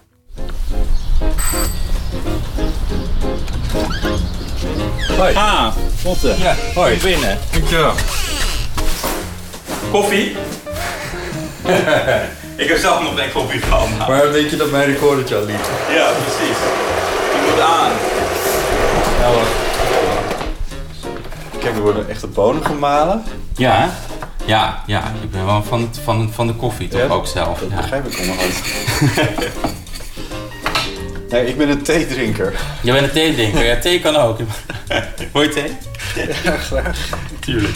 Maar, maar dit, dit is dan ook zo'n machine waar je, waar je vreselijk veel werk van hebt om koffie te maken. Ja, maar die geautomatiseerde machines heb je ook onwijs veel werk van, denk ik dan. Er moet ook altijd wat mee. Ja, er dat gaat is- altijd wel iets knipperen wat dan weer eh, ja, dat is waar, ja. wat gedaan moet worden. Die machines bij de VPRO zijn beter in het produceren van prachtig blauw licht... dan dat ze goede koffie of Oh, ja, heet ja. water kunnen produceren. Maar dat is wel leuk, want wat we nu aan het doen zijn, een beetje dat klooien en dat met iets bezig zijn, wat helemaal eigenlijk nog niet over het verhaal gaat. Ja, in jouw geval dan weer wel. Maar Ja. eh, dat, dat is wat je eigenlijk hebt als je voor een interviewafspraak, in jouw geval een fotoafspraak, bij, bij de mensen thuis eh, komt. Ja, Dat- ja dat, dat- is het volledig. Het is gewoon eerst zo'n zo'n actie. Wil je koffie? Of ja, je, er Ja. wordt altijd eigenlijk koffie aangeboden. Maakt niet uit waar je bent. Of gewoon in zo'n plastic bekertje uit Ja. zo'n uh, Daal Egbers machine, zeg Ja, maar. het is nog eh, steeds een thermoskan, maar er is koffie. Ja. Er is Ja. koffie, Ja. ja. Ja, maar ik bedoel ook vooral dat het een soort van socialiserende eh, functie he- heeft voordat we het daadwerkelijke ding waarvoor ik hier kom, of waarvoor jij de foto dan gaat maken, voordat je ofwel het officiële gedeelte ingaan, dan hebben we eerst nog eventjes het gedoe over de koffie. Even zo'n gesprek eh, starten. Ja, ja, ik precies. vind het zelf eigenlijk wel lekker om gewoon meteen te beginnen. Ik ben dan zo helemaal ready. Ja. Dan kom ik aan en denk oké, bam, koffer. Ik heb zo ook mijn eigen ritueel, weet je. Dan pak ik Ja. mijn koffer uit, Ja. zet ik mijn dingen vast op. Eh, en dan, eh, ja, dan die, die koffie, die schiet ik dan ook gewoon meteen. Eigenlijk. Snap je? precies, ik zit is meteen helemaal in die foto, net zoals jij begint te interviewen nu Ja, meteen. Ik zit ja. ook meteen in die, in die modus. Ja, maar Wel, weet je dat ik dat normaal gesproken dus eigenlijk helemaal niet doe, omdat ik het bijna een beetje onbeleefd vind om, om meteen een meteen te recorder aan te starten. Oh ja, ja. Ja, het is wel een beetje gek hè, om meteen te beginnen. Mensen zeggen ook, oh, oh, oh, wacht ik ben nog niet helemaal klaar Nee, daarvoor. Dat is wel leuk. Maar je kopje past er niet goed onder. Nee, dat is wel helemaal niks hè. Er moet zo'n klein espresso koppeltje onder natuurlijk. Dat Ja, ik, ik heb wel een soort favoriete beker, maar daar heb ik er één van. En die, ja, die is eigenlijk voor de espresso. Die is goed. Maar ik neem nu een dubbele. Nou, ik ben eigenlijk in 2009 begonnen naar aanleiding van, een, eh, ehm, van de Volkskrant Machts special. En toen, eh, dat was met Kai van Eck, hadden bedacht om een, eh, om een serie te maken van nou, de machtigste mensen van Nederland. En dan eh, om ze tijdens het ochtendritueel te fotograferen. Het was eigenlijk de bedoeling als gerend, maar dat is niet helemaal gelukt. Maar ik had ze wel in ieder geval allemaal met koffie. Of dat ze hun pantoffels uitdeden en hun nette schoenen aan of een jas aantrokken en zo. En toen is zo'n serietje ontstaan. En op de voorkant van de Volkskrant, wat toen om het aan te kondigen, hadden we vier portretten. waar mensen zo die kop koffie aan hun gezicht hadden eigenlijk. Ja, En toen ben ik een beetje begonnen. Ik, oh, dat werkt leuk. En ehm, toen heb ik het ook weer een tijdje laten liggen. Dat ik denk, oh ja, oh ja, dat koffiemoment had ik nog moeten fotograferen voor het boek. Maar ja, whatever. Ja. En nu eigenlijk de laatste jaren ben ik dat veel intensiever gaan doen. En ook steeds gezorgd dat ik eh, eh, dat koffiemoment had voor Ja. het boek. Ja. En, en- Ja. en dat, dat is natuurlijk wel een groot voordeel. Jij, jij maakt, laat, nou, laten we het heel simpel zeggen, twee soorten werk. Namelijk in de opdracht. Dus je bijvoorbeeld voor Volkskrant Magazine, daar ben je, ben je best wel bekend van, die foto's die Ja, daarin staan. ja. Politici, artiesten, sporters. Ja, alles veel schrijvers ook. schrijvers. Dr. Anders P. Ja, ook nou, superleuk. Hij staat in het boek. Ja.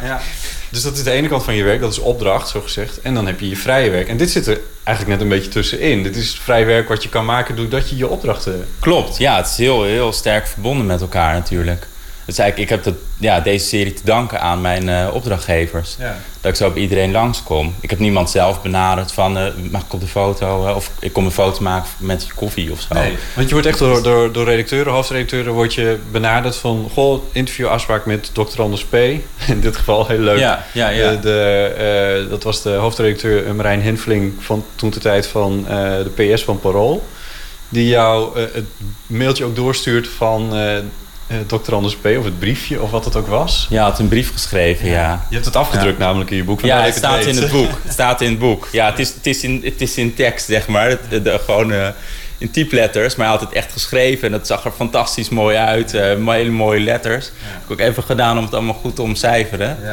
Eh, maar dat is een heel leuk briefje, ja. Dat kreeg ik dan weer op de mail. Kreeg ik dat gefotografeerd, meegestuurd in mijn eh, opdracht eigenlijk. Ja. Nou, je thee is klaar. Mijn koffie is koud. Ja. ja. Ik heb ook altijd wel het idee dat als ik, als ik thee vraag aan mensen... eh, dat ik het moment een beetje verpruts. Ja, het duurt lang. Ja, maar het duurt lang. Maar we hebben ook... eh, je hebt ook maar er is nog een groot verschil tussen koffie en thee. Dat is namelijk... Dat, dat vergeten mensen wel eens. Maar thee is, is wel 20 graden warmer dan het koffie is over het algemeen. Dus je, daarom doe je er ook langer over om- Ah, voordat je gaat beginnen met drinken. Ja. Ja, ja, precies. En nu maak je ook nog hele moeilijke thee. Ja, ook nog moeilijke thee met een thee-ei. En, eh, een kan. Ja, het was grappig, want de Aaf Brands eh, Korsius, die heeft het geschreven voor het boek ook. Ze heeft zo'n percolator en die moet je dan echt zo op het, eh, op het fornuis zetten. En dat moet warmen en dan gaat het pruttelen en zo. Maar het hele ritueel duurt bijna 20 minuten. Dus als zij dan ehm, iemand op bezoek krijgt, of eh, inderdaad voor een interview of een fotograaf, Ja. dan denkt ze van ja, ga ik nu wel of niet koffie aanbieden? Want dan zijn we sowieso 20 minuten verder. En dan weet je wel, eh, wanneer gaan we dan beginnen? Dat Ja. is een beetje het... Ja, ja, ja, precies. Ja, dit is echt dit is wel een goede ook al om te beginnen. Want dit is wel echt zo'n... eh, van, van Avond Kortjes, dat is wel echt zo'n koffie, vraagteken, foto. Ja, ja, dat is hem één op één, toch? Ja, ja. Ze komt hem echt zo aan mij brengen. Dat, Ja. vind, dat vind ik echt zo leuk aan, die, eh, aan dat shot. Met natuurlijk een, eh in de achtergrond een eh, afvalbak en een kattenbak... en nog een Albert Heijn tas waar iets in zit. En, en dat soort rommeltjes die je misschien normaal gesproken helemaal niet op je foto zou willen hebben. Eh, nee, nee. Of in ieder geval, als ik dat zou doen, dan zou het een bewustere keuze zijn. Ja. En nu was het echt een, een shot en wat erop komt, dat komt erop. En eh, nou ja, dat, dat, is, dat is gewoon goed en dat is ook leuk. Eh, daardoor kan je echt een beetje bij iemand naar binnen kijken. wat Nederlands eigenlijk wel leuk vinden over het algemeen, Ja. het idee. Ja. Nou ja, leuk vinden, want dat is dan het volgende. Eh, de officiële foto die wordt dan afgedrukt in Parool of in Volkskrant of noem het allemaal maar op waar je voor werkt. Maar dan kom jij met de vraag: mag ik dat eerste shot waarin je mij koffie aanbiedt eh, ook publiceren en wel in een boek? En vinden ze het dan ook nog zo leuk? Ja, ja dat, is, dat is eigenlijk mijn, mijn grote angst. Eh, ik loop dus al een tijdje rond met dit idee natuurlijk. Ik had ook al een dummy gemaakt in de zomer van 2014. Die was eigenlijk eh, al ja, praktisch, praktisch klaar. Maar ik had nog van niemand toestemming. En ik durfde dat ook eigenlijk niet te vragen. Waarom niet? Ja, ik was bang dat ze nee zouden zeggen. En als ze nee zouden zeggen, dan zou mijn hele project eh, direct om zeep geholpen zijn. Eh, dus ik heb hard zitten broeden wat nou de beste manier is om iemand eh, toestemming te vragen voor publicatie in dat boek. Ja. Want ja, inderdaad, iedereen staat in zijn keuken, toch in zijn privéomgeving. Het is niet de bedoelde foto. Vaak zijn ze er niet op bedacht dat ik die foto met koffie ook ging maken. Dus ik, ik hoopte natuurlijk dat iedereen mee zou doen. Maar ja, ik, ik, ik verwachtte het niet helemaal. Nee. Of tenminste, ik was wel bang dat, eh, dat mensen dat niet, eh, niet echt zaten zitten. Nee. Zagen zitten ja. Het leuke is dat je een paar van die eh, discussies of mailwisselingen of sms-wisselingen daarover eh, ook hebt eh, afgedrukt in het boek. Eh, bijvoorbeeld met eh Imke Marina, eh, de zangeres. Ja. Die vroeg je of je een koffiefoto mocht publiceren. En ze zegt, ben je helemaal gek geworden? Ik moet nog drie jaar zingen, zo boeken ze me nooit weer. Ja, ja, nou ja. Ik, ik snap het ook wel. Ik snap het ook wel dat ze dat zei. Want die, die, die foto, ja, ze staat er midden in de keuken, een beetje ontheemd. En eh, nou ja, we hebben toen wat heen en weer gemaild. eh was hartstikke leuk. En toen vond ik in mijn archief nog een foto waar zij mij eh, taart aanbiedt. Met op de achtergrond ook het koffiezetapparaat. En dat was ook dit koffiemoment. En die heb ik toen aan haar voorgesteld. En daar was ze gelukkig ontzettend eh, enthousiast over. En die, eh, die staat uiteindelijk in het boek.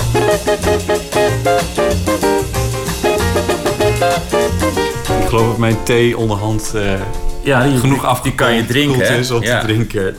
Zie je, dat werkt gewoon niet. Thee, Thee. thee, Thee werkt duurt gewoon lang, niet. hè? Nee, weet je dat ik dus ook wel eens eh, gewoon een glaasje water vraag? Want dan denk ik van ja, dan kan ik in ieder geval Oh ja, direct... ja. Nou, ik drink ook wel eens een glaasje water aan het eind van de dag. Als ik vijf portretten heb gehad, dan hoef ik echt geen koffie meer. Nee. Want dat is het ding natuurlijk. Er wordt Dat altijd wordt het aangeboden. Ja. Het maakt niet uit of het koffietijd is of eh, geen koffietijd. Je krijgt gewoon altijd eh, koffie aangeboden. Ook helemaal aan het eind van de werkdag. Dus dan, eh, dan sla ik wel eens over, ja. Ja.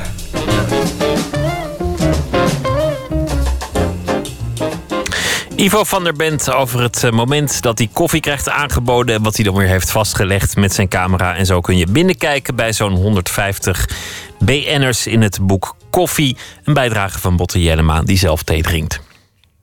Hij is op tournee in eh, Nederland. De Amerikaanse jazz- en soulzanger José James speelde al in eh, Amsterdam in het concertgebouw. En hij zal nog verder gaan eh, naar Rotterdam, Nijmegen, Den Haag en Eindhoven met eh, een speciaal kerstrepertoire ook. Hier is hij met Come to My Door. So long we've been distant now since you set out on your own. You told me you had to find something to believe in. Never thought you'd ever leave, but as you walked soon find all that you needed.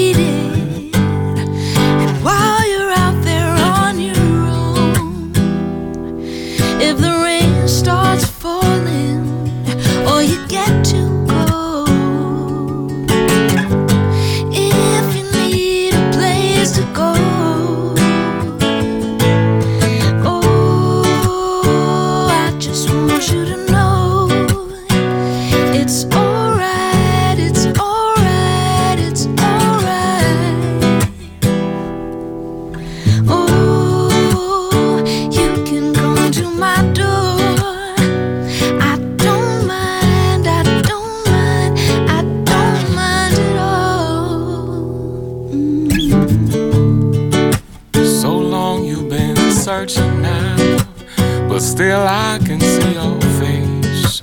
The memories numb this pain just for a moment.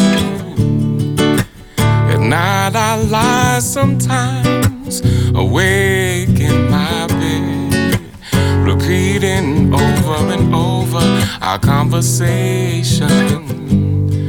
Right now, as the moon is shining, I know you're out somewhere and you're doing fine. If you need a place to go, yeah, Oh, I just want you to know it's alright,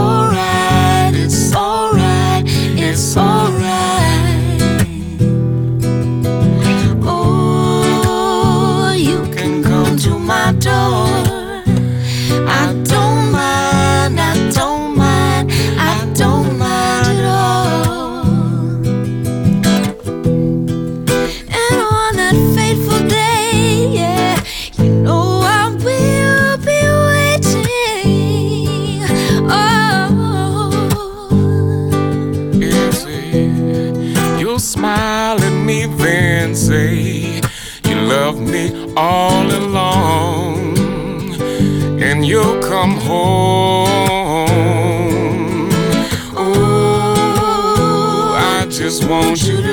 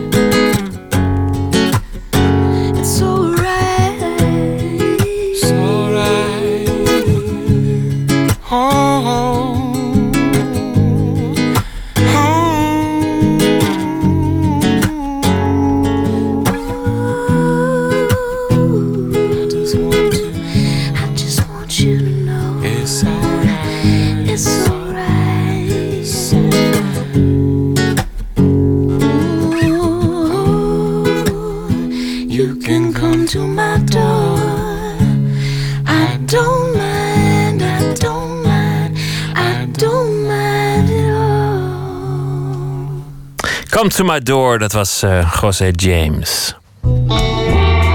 Nooit meer slapen. Alle Zweedse 16-jarigen krijgen een boek cadeau. En ook allemaal hetzelfde boek. We Should All Be Feminists van de Nigeriaanse schrijfster Shimamanda Ngozi Adichie. En eh, dat werd afgelopen weekende bekendgemaakt. Floortje Smit is onze nachtcorrespondent. Goeienacht, Floortje. Goeienacht. Heb jij het boek eh, meteen al kunnen lezen? Nou, ik heb speciaal voor jou het boek gelezen. En Goed zo. Ik moet zeggen, dat was, het was een kleine moeite. Het is maar 32 pagina's. Dus er kon eigenlijk tussen de bedrijven wel door. Ehm, wat het boek eigenlijk is, is eh, de TED-talk die zij heeft gehouden onder dezelfde titel. Ehm, hij is al 2 miljoen keer bekeken. Maar voor de mensen die hem nog niet hebben gezien... Eigenlijk gaat het erover, zij roept eigenlijk eh, eh, jongens en meisjes op om zich feminist te noemen. Omdat eh, ja, eigenlijk allebei mm, ehm, de groepen er niks mee opschieten dat ze in een bepaald hokje worden geplaatst. Nou, het is dus heel feministisch betoog, 32 pagina's. Maar het is niet heel saai of, of theoretisch geworden, omdat ze het allemaal eh, ja, doorspekt met voorbeelden uit de praktijk over haarzelf en van vrienden. Uh, voorbeeldjes, ze, schrijft bijvoorbeeld over een vriendin van haar, hoogopgeleid Amerikaanse vrouw, die op een gegeven moment op de wc zit te huilen omdat haar baas niet naar haar luistert en zij niet durft te zeggen dat hij naar haar moet luisteren omdat ze dan bang is dat hij er onaardig vindt, bijvoorbeeld. Um, en het is trouwens het is een hele bekende TED-talk, omdat uh, zelfs die mensen die hem niet hebben bekeken, die kennen hem misschien wel uit het uh, nummer van Beyoncé, Flawless. We teach girls to shrink themselves, to make themselves smaller. We say to girls, you can have ambition, but not too much. You should aim to be successful, but not too successful, otherwise, you will threaten the man. Because I am female, I'm expected to aspire to marriage. I'm expected to make my life choices, always keeping in mind that marriage is the most important. Ja, Chimamanda Ngozi Adichie was dat dus. Ze heeft ook uh, Americana geschreven. En Katja de Bruin, de boekenredacteur van de VPRO... die heeft ook een dochter van 16 trouwens. Um, en zij sprak haar voor dat boek Americana. En eigenlijk zei ze tegen mij... ik begrijp wel waarom die vrouw zo ontzettend veel indruk heeft gemaakt. Ja, zij is echt ja, een, een heldin. Je kunt in haar, omdat ze zo uitgesproken is in wat ze doet en zegt... maar ze, omdat ze het op zo'n niet drammerige, prekerige manier doet... en dat is natuurlijk een unieke combinatie... want heel vaak zijn mensen met hele sterke principes... zijn niet altijd de leukste mensen in de, in de omgang... maar zij kan ook gewoon heel hard lachen als ze vertelt dat ze op, uh, op, op een luchthaven eigenlijk altijd wordt aangezien voor prostituee. Wat natuurlijk helemaal niet om te lachen is. en dat vertelt ze dan dus wel even, waardoor je erbij stilstaat hoe het moet zijn als zwarte vrouw. En zo'n succesvolle zwarte vrouw als zij is, die op Harvard en Princeton en weet ik veel waar heeft gestudeerd. En dan kom je op willekeurig welke luchthaven. En dan denken ze dat je een hoer bent. Maar zij kan dat, uh, zij kan het zo brengen dat je er uh, toch om zit te lachen... terwijl ze tegelijk wel die boodschap over weet te brengen. Dat vind ik heel knap. Alle Zweedse pubers krijgen dus dat boek cadeau. Maar het boek is gebaseerd op een TED-talk. En volgens mij is het makkelijker om een tiener naar een, een filmpje te laten kijken... dan een tiener een boek te laten lezen. Het scheelt nog geld ook. Waarom doen ze dat niet? Ja, dat dachten Katja en ik eigenlijk ook. Het is wel echt een heel uh, mooi boek en nuttig en scherp. Maar het is toch ook wel fijn om haar gewoon ook even te zien... Uh, terwijl ze dit allemaal vertelt.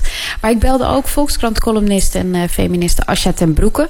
die ook een groot fan is geworden vanwege die, die prikkelende TED-talk. En ik vroeg haar of ze niet gewoon inderdaad beter die TED-talk konden laten zien. Ja, dat zou natuurlijk ook kunnen. Ze zijn gratis beschikbaar. Maar wat ik denk dat heel goed is aan zo'n boek opsturen...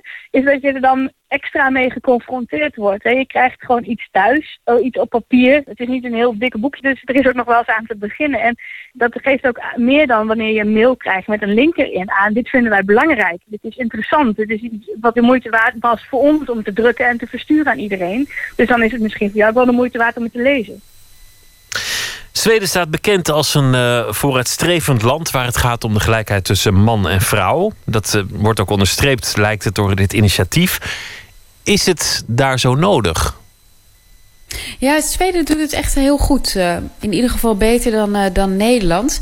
En wat ik, ik heb het boekje dus gelezen. En wat ik er eigenlijk heel opvallend aan vond, is dat er best wel wat Afrikaanse voorbeelden in stonden. Of in ieder geval voorbeelden waarvan ik denk, ik weet niet of die pubers van nu eh, daar nog zo mee bezig zijn. Ze vertelt bijvoorbeeld heel veel over de druk op de vrouw om te gaan trouwen. En om een hele goede huisvrouw te zijn. En nou, ik ben zelf al niet zo opgevoed. En het was ook echt niet zo dat mijn moeder echt een hele zware feministe was.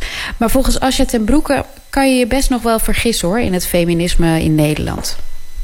Heel veel dingen die ze vertelde, die kwamen me eigenlijk best heel bekend voor over um, subtiele uh, verschillen. En vooral geanalyseerd dan um, dat mannen dat helemaal vaak niet doorhebben. Dat we nog steeds in een samenleving leven waarin uh, mannen heel ongemerkt een streepje voor hebben. Omdat zij nooit degene zijn die het streepje achter hebben gehad. Uh, en dat vond ik heel herkenbaar in haar verhalen. Ik denk ook juist, trouwens, dat het wel heel goed is dat er heel veel dingen um, in staan die juist ook teruggaan op haar ervaringen als uh, Afrikaanse vrouw of als zwarte vrouw.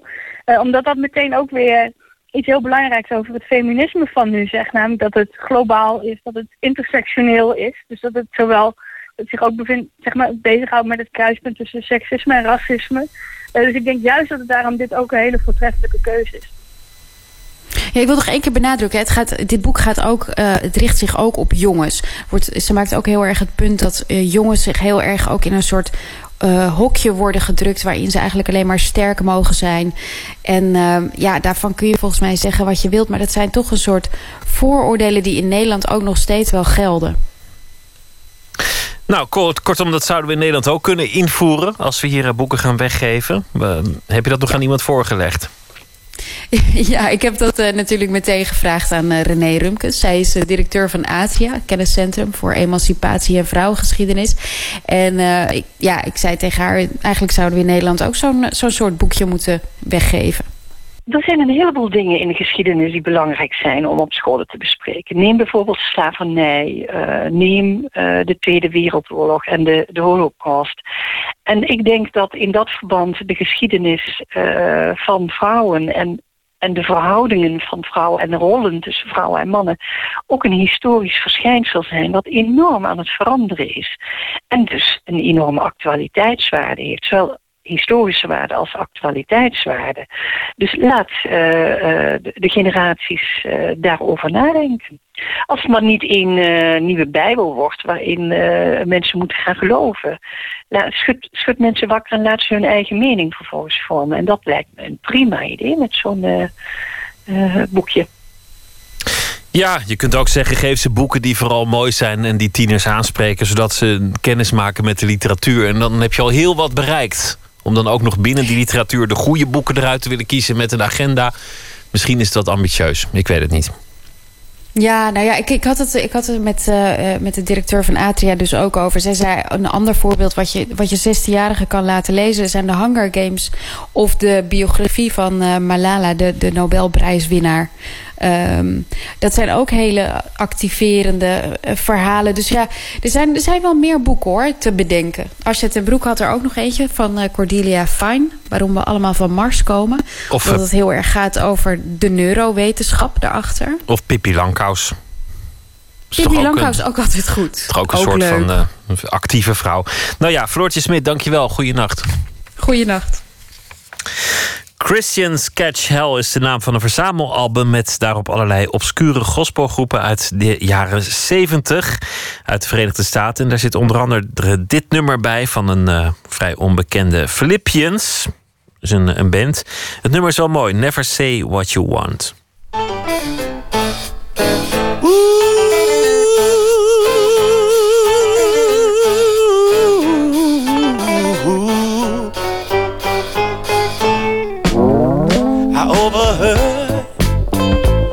Conversation. It was a few, just a few days ago. There were two women talking. One was rich and the other was poor. Oh, that poor woman, she had a little shack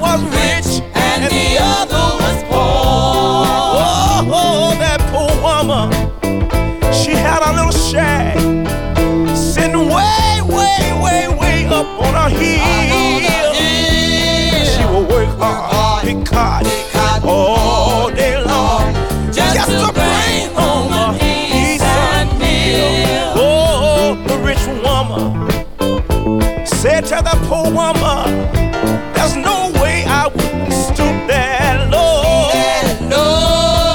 Woman said to the rich woman, said Miss Ann, you shouldn't say that because you don't know.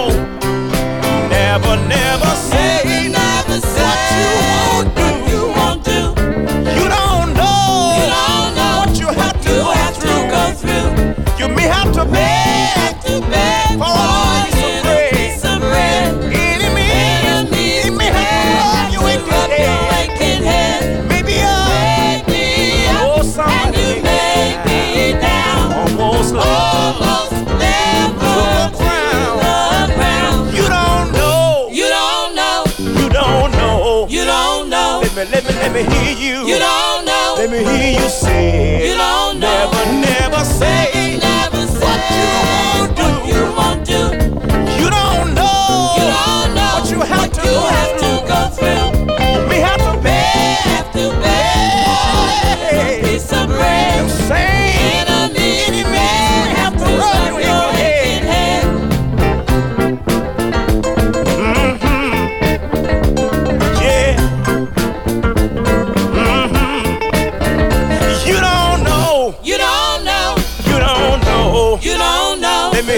Say it. You don't know. Let me hear you say it. You don't know. You don't know.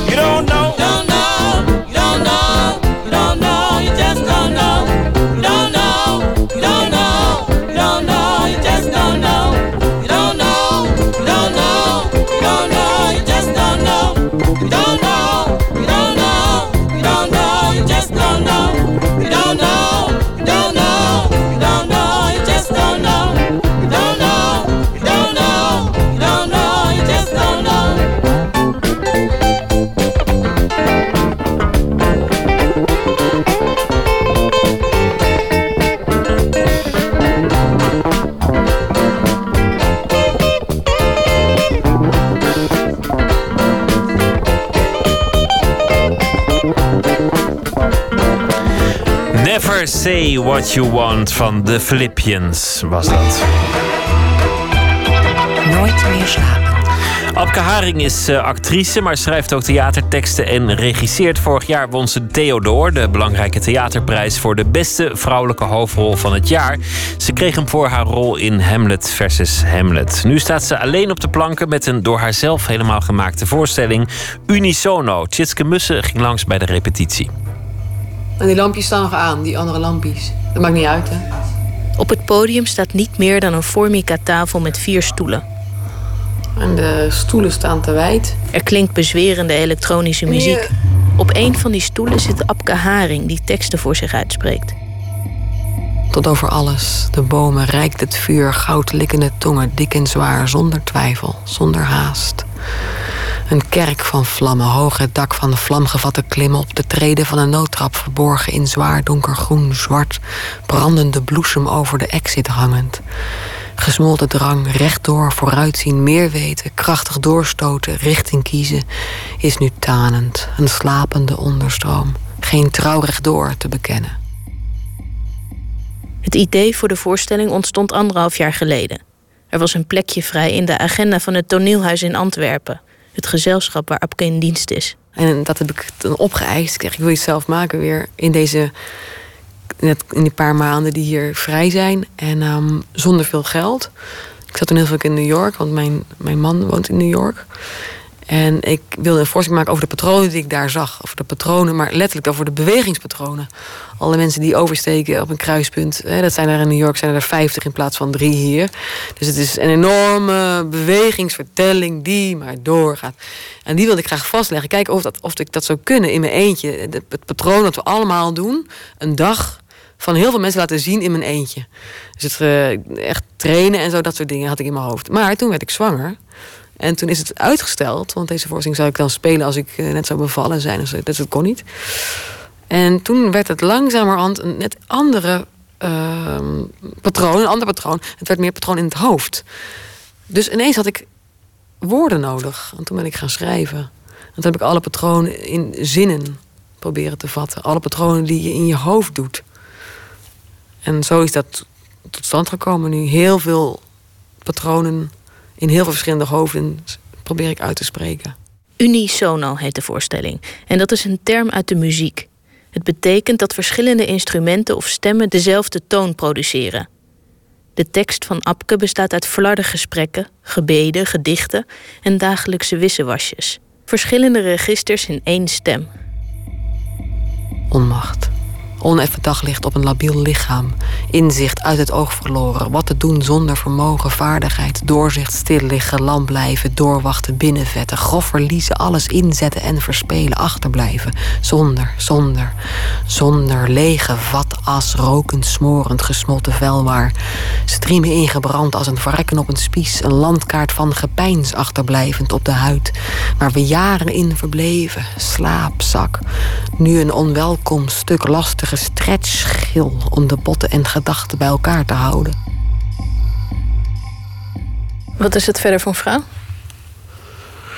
Ja, ik denk dat het een, een vrouw is die iedereen wel eh, in zich heeft. En eh, op dit moment ook zoekend. Van eh, hoe gaan de dingen? Ja, daar gaat het ook voor mij over. Over dat het zoeken mag. Maar is het een oud iemand? Is het een jong iemand? Is het een Nederlands iemand? Is het een... Het is echt, het is, ik, ik heb het, ehm, zo proberen te maken dat ieder, iedereen zou het kunnen, kan het zijn. Het gaat eigenlijk over iedereen. Het gaat ook niet zozeer over de vrouw die ik speel, meer over, de, over het ritueel, over de, over de vorm. Over, over het ritueel wat we allemaal doen eigenlijk. Ook, ook al willen we het niet. Hè? Dat geboren worden en ouder worden gaan toch allemaal door dezelfde dingen heen. Terwijl je dat misschien helemaal niet bewust doet, maar je gaat toch door dezelfde dingen heen. Je wordt ouder, dus je, wordt, je verliest eh, geliefdes of je verliest eh, je jeugd of eh, je, je wint eh, wijsheid of dat hele patroon. Probeer daar iets van te laten zien. Een terugkerend thema in de voorstellingen van Abke Haring is eenzaamheid. Ook in deze. Ja, ik denk dat we heel eenzaam zijn in, eh, in deze wereld. Denk ik. Ik denk dat het, of in ieder geval, dat het makkelijk is om eenzaam te zijn. Ik denk dat het makkelijk nu is in deze dagen. Vooral, ja, dan toch weer over Facebook. Maar ik check het dan af en toe, nu zeker, omdat ik al op tour ben en omdat ik graag laat weten op Facebook waar ik dan zit. Daar is het heel handig voor. Maar dan lees ik dus ook wat er gebeurt op Facebook en daar word ik dan heel, eh, eh, ja, toch wel triesterig van. Dat, gaat, dat, dat is zoiets wat. Er is een vorm van leven nu wat. Ik denk dat dat heel eenzaam maakt. Al die informatie die je hebt, al dat internet, al dat, die snelheid. En de grote groepen mensen waarbij je dan kan aansluiten. Dat is allemaal heel mooi. Maar de echte gewone verbindenis aangaan met mensen om je heen, nauwe verbindenis. Volgens mij wordt het steeds moeilijker. En ik heb het daar wel graag over. Verdriet doet zeer. Vriendschap is vaak tijdelijk. May your heart be the map. Het is een zacht kabbelen van meer water dan erin kan. Het duwt de oevers weg, zodat een breder pad ontstaat. The three seas of life. Choices, chances, changes.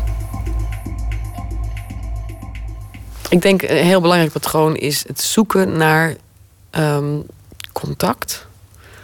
Zoeken naar contact met andere mensen. hey, hallo, hey, hoe is het? Weet je wel, zo. Aanknopingspunt. Die, maar ook het zoeken naar contact met iets wat groter is dan onszelf. Steun bij een god of bij een. Bij, eh, ik weet niet, eh, het hogere. Dus het aanroepen door bijvoorbeeld het gebed. Er zit een gebed van Steiner in. Ehm, wortel uit de aardegrond, maakt me dapper en gezond. Dat is dingen lucht en Dat is echt dat is van Steiner. Het gaat over ik, hè, meerdere, je bent niet alleen. Dat soort patronen. Maar dan ook nog de patronen van. eh, nou, lekker brood bakken en eh, lekker boter kopen en koken en dat soort dingen. De banale patronen. Kleefweefsel rond het vet, vlees en verliezend kalk. Zoeken naar een extra stukje plakband, want de naden laten los. Ultiem vochtverliezend tot de laatste wallen onder de ogen zijn strak getrokken als gedroogd karton. De spankracht van het weefsel niet meer kan ontplooien en de binnenkant zich toont. Omgeruld als roerei in een aangekoekte pan. Bij het spelen van die voorstelling, nou, merk ik dat de reacties achteraf, dat mensen zich vaak herkennen. En dat vind ik een ongelooflijk fantastisch. Dan denk ik, ah ja, zo eenzaam. eh, dat, eh, ja, ben ik, ben ik dus toch niet, zijn mensen toch niet. Ik bedoel, we herkennen dit, dat mag bestaan. Ze geven dat ook toe dus, dat is fantastisch. De gesprekken die ik achteraf heb, dat is echt heel mooi, heel fijn. Maar eigenlijk zouden die mensen dan straks in de zaal na afloop dat gesprek samen moeten hebben. Ja. Maar ik denk ook, theater is de, de uitgelezen plek voor mensen die niet willen spreken erover. Want je kunt alleen dat over je heen laten komen en je verwant voelen. Zonder dat je hoeft terug te spreken. Dat zijn namelijk de regels van theater. Je hoeft niet te spreken, je kan gewoon kijken. Nu ben je en actrice en regisseur. Je eh, bent in dienst bij het Toneelhuis. Vorig jaar won je de Theodor, een belangrijke toneelprijs eh, als actrice voor eh, Hamlet versus Hamlet. Ehm, kun jij zonder het een? Kun je zonder maken of kun je zonder, zonder spelen? Nee. Nee, absoluut niet. Absoluut niet. Dat voel ik nu weer. Nu heb ik dit gemaakt. Het is heel klein. Samenwerken met weinig mensen.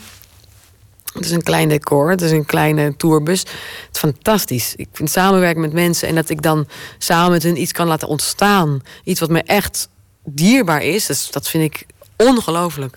Maar dan hierna speel ik dan weer bij Guy. En dat eh Guy. En dat is dan een heel andere chemie die ik daar dan heb. En dat ik dat is ook fantastisch. Echt spelen voor iemand. Kijken, wat wil je precies? En dat nog eens proberen. En dan ja, samen met mensen op de vloer staan. Dat vind ik helemaal ook. is- ik heb zo'n mazzel. Het is fantastisch. Allebei is geweldig. Maar nou lijkt je me best een. eh, eh, ik bedoel, ik heb je hier net ontmoet, maar je lijkt me een eigenzinnig type. Is het dan, eh, als je nu helemaal je eigen gang kan gaan en dan straks moet je weer onder een regisseur gaan gehoorzamen? Nee, gehoorzamen, dat is er niet bij. Dat is er heel erg bij natuurlijk, maar zo voel ik het niet. En het is ook hartstikke leuk. Het, het geeft mij echt een kick om, om te voelen van de regisseur wil ongeveer dat. Hoe, hoe kan ik dat aan hem geven? Hoe, hoe, hoe, wat moet ik in mezelf opzoeken om hem dat te geven? Dat vind ik echt altijd weer een enorme uitdaging. Het is fantastisch. En het is ook een heel ander. Je kan het heel erg focussen op spelen. Je hoeft je niet bezig te houden met al die rompsom eromheen. Van hoe laat vertrekt de bus? eh, is alles ermee? Hup. Dit is gewoon eh, spelen, gaan, smijten. En dat is bevrijdend. En hoe gaat het nu? Want jouw verband als eh, regisseur houdt op hè, bij het toneelhuis. Hoe ga je verder? Ja, dat weet ik nog niet. Daar ben ik, eh, ja, daar ben ik rustig over aan nadenken van... ja, wat komt op mijn pad? Ik geloof ook wel dat er de dingen gebeuren met een reden. Dus dat komt allemaal wel, eh, ja, komt allemaal wel goed. Ik ben nu zo eh, met een open vizier aan het rondkijken van... Waar, wat zou ik willen en, en welke mensen, eh, welke hoek... waar wil ik graag terechtkomen en, en zou dat kunnen en hoe? En, ja, het is heel spannend, dat wel. Ja, wat, wat, wat gaat hier nu gebeuren next? Maar ik ben er nog niet helemaal uit. Maar het, het voelt eigenlijk ook wel weer prima. Ja, het komt wel. Afka Haring toert de komende tijd met de voorstelling Unisono door Nederland en Vlaanderen. Ze zal eh, nog te zien zijn op eh, tal van plekken. Voor meer informatie toneelhuis.be. 1992, de Stereo MC's, een eh, Britse groep die hip-hop en dance wist te vermengen met andere muziek. Hun grootste hit was deze Connected.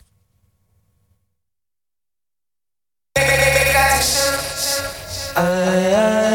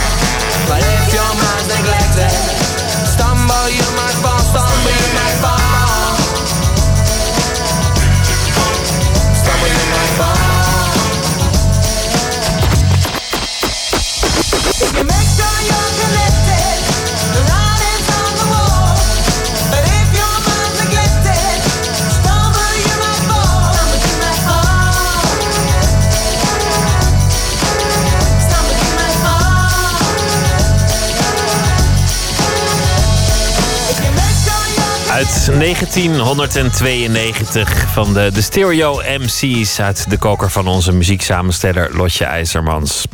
Sid Branja is dichter, debuteerde in 2003 met een Nederlandstalige bundel Dat het zo hoorde. Recentelijk schreef, schreef hij zijn vijfde, Binnenwereld, Buitenwijk, Natuurlijke Omstandigheden. En deze week zal hij elke nacht een van zijn favoriete gedichten voordragen. Te beginnen met Frank Keizer, Wie was ik?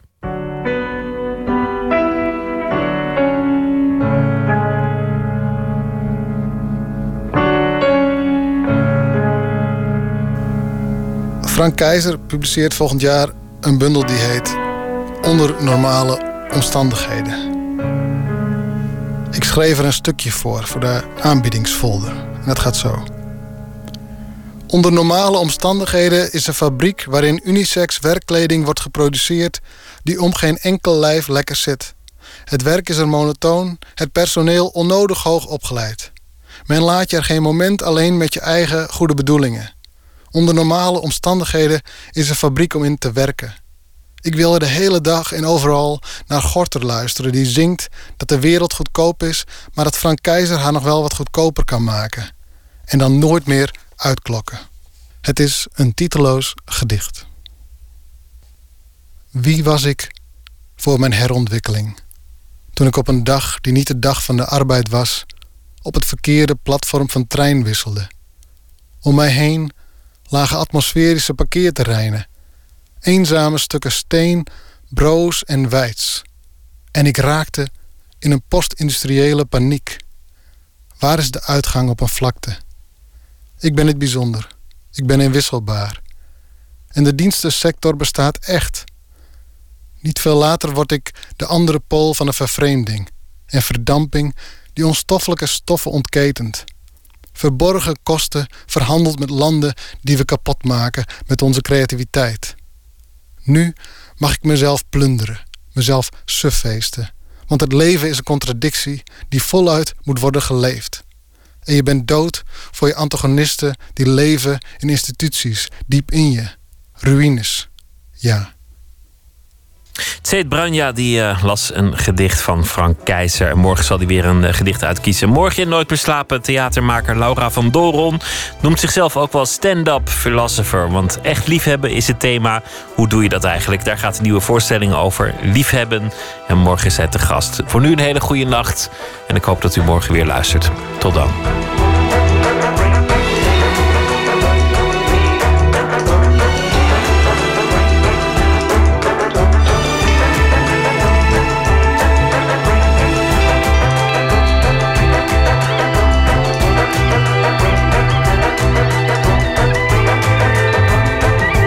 Dit was een programma van de VPRO. Sponsor van de vooruitgang. Op Radio 1, het nieuws van alle kanten.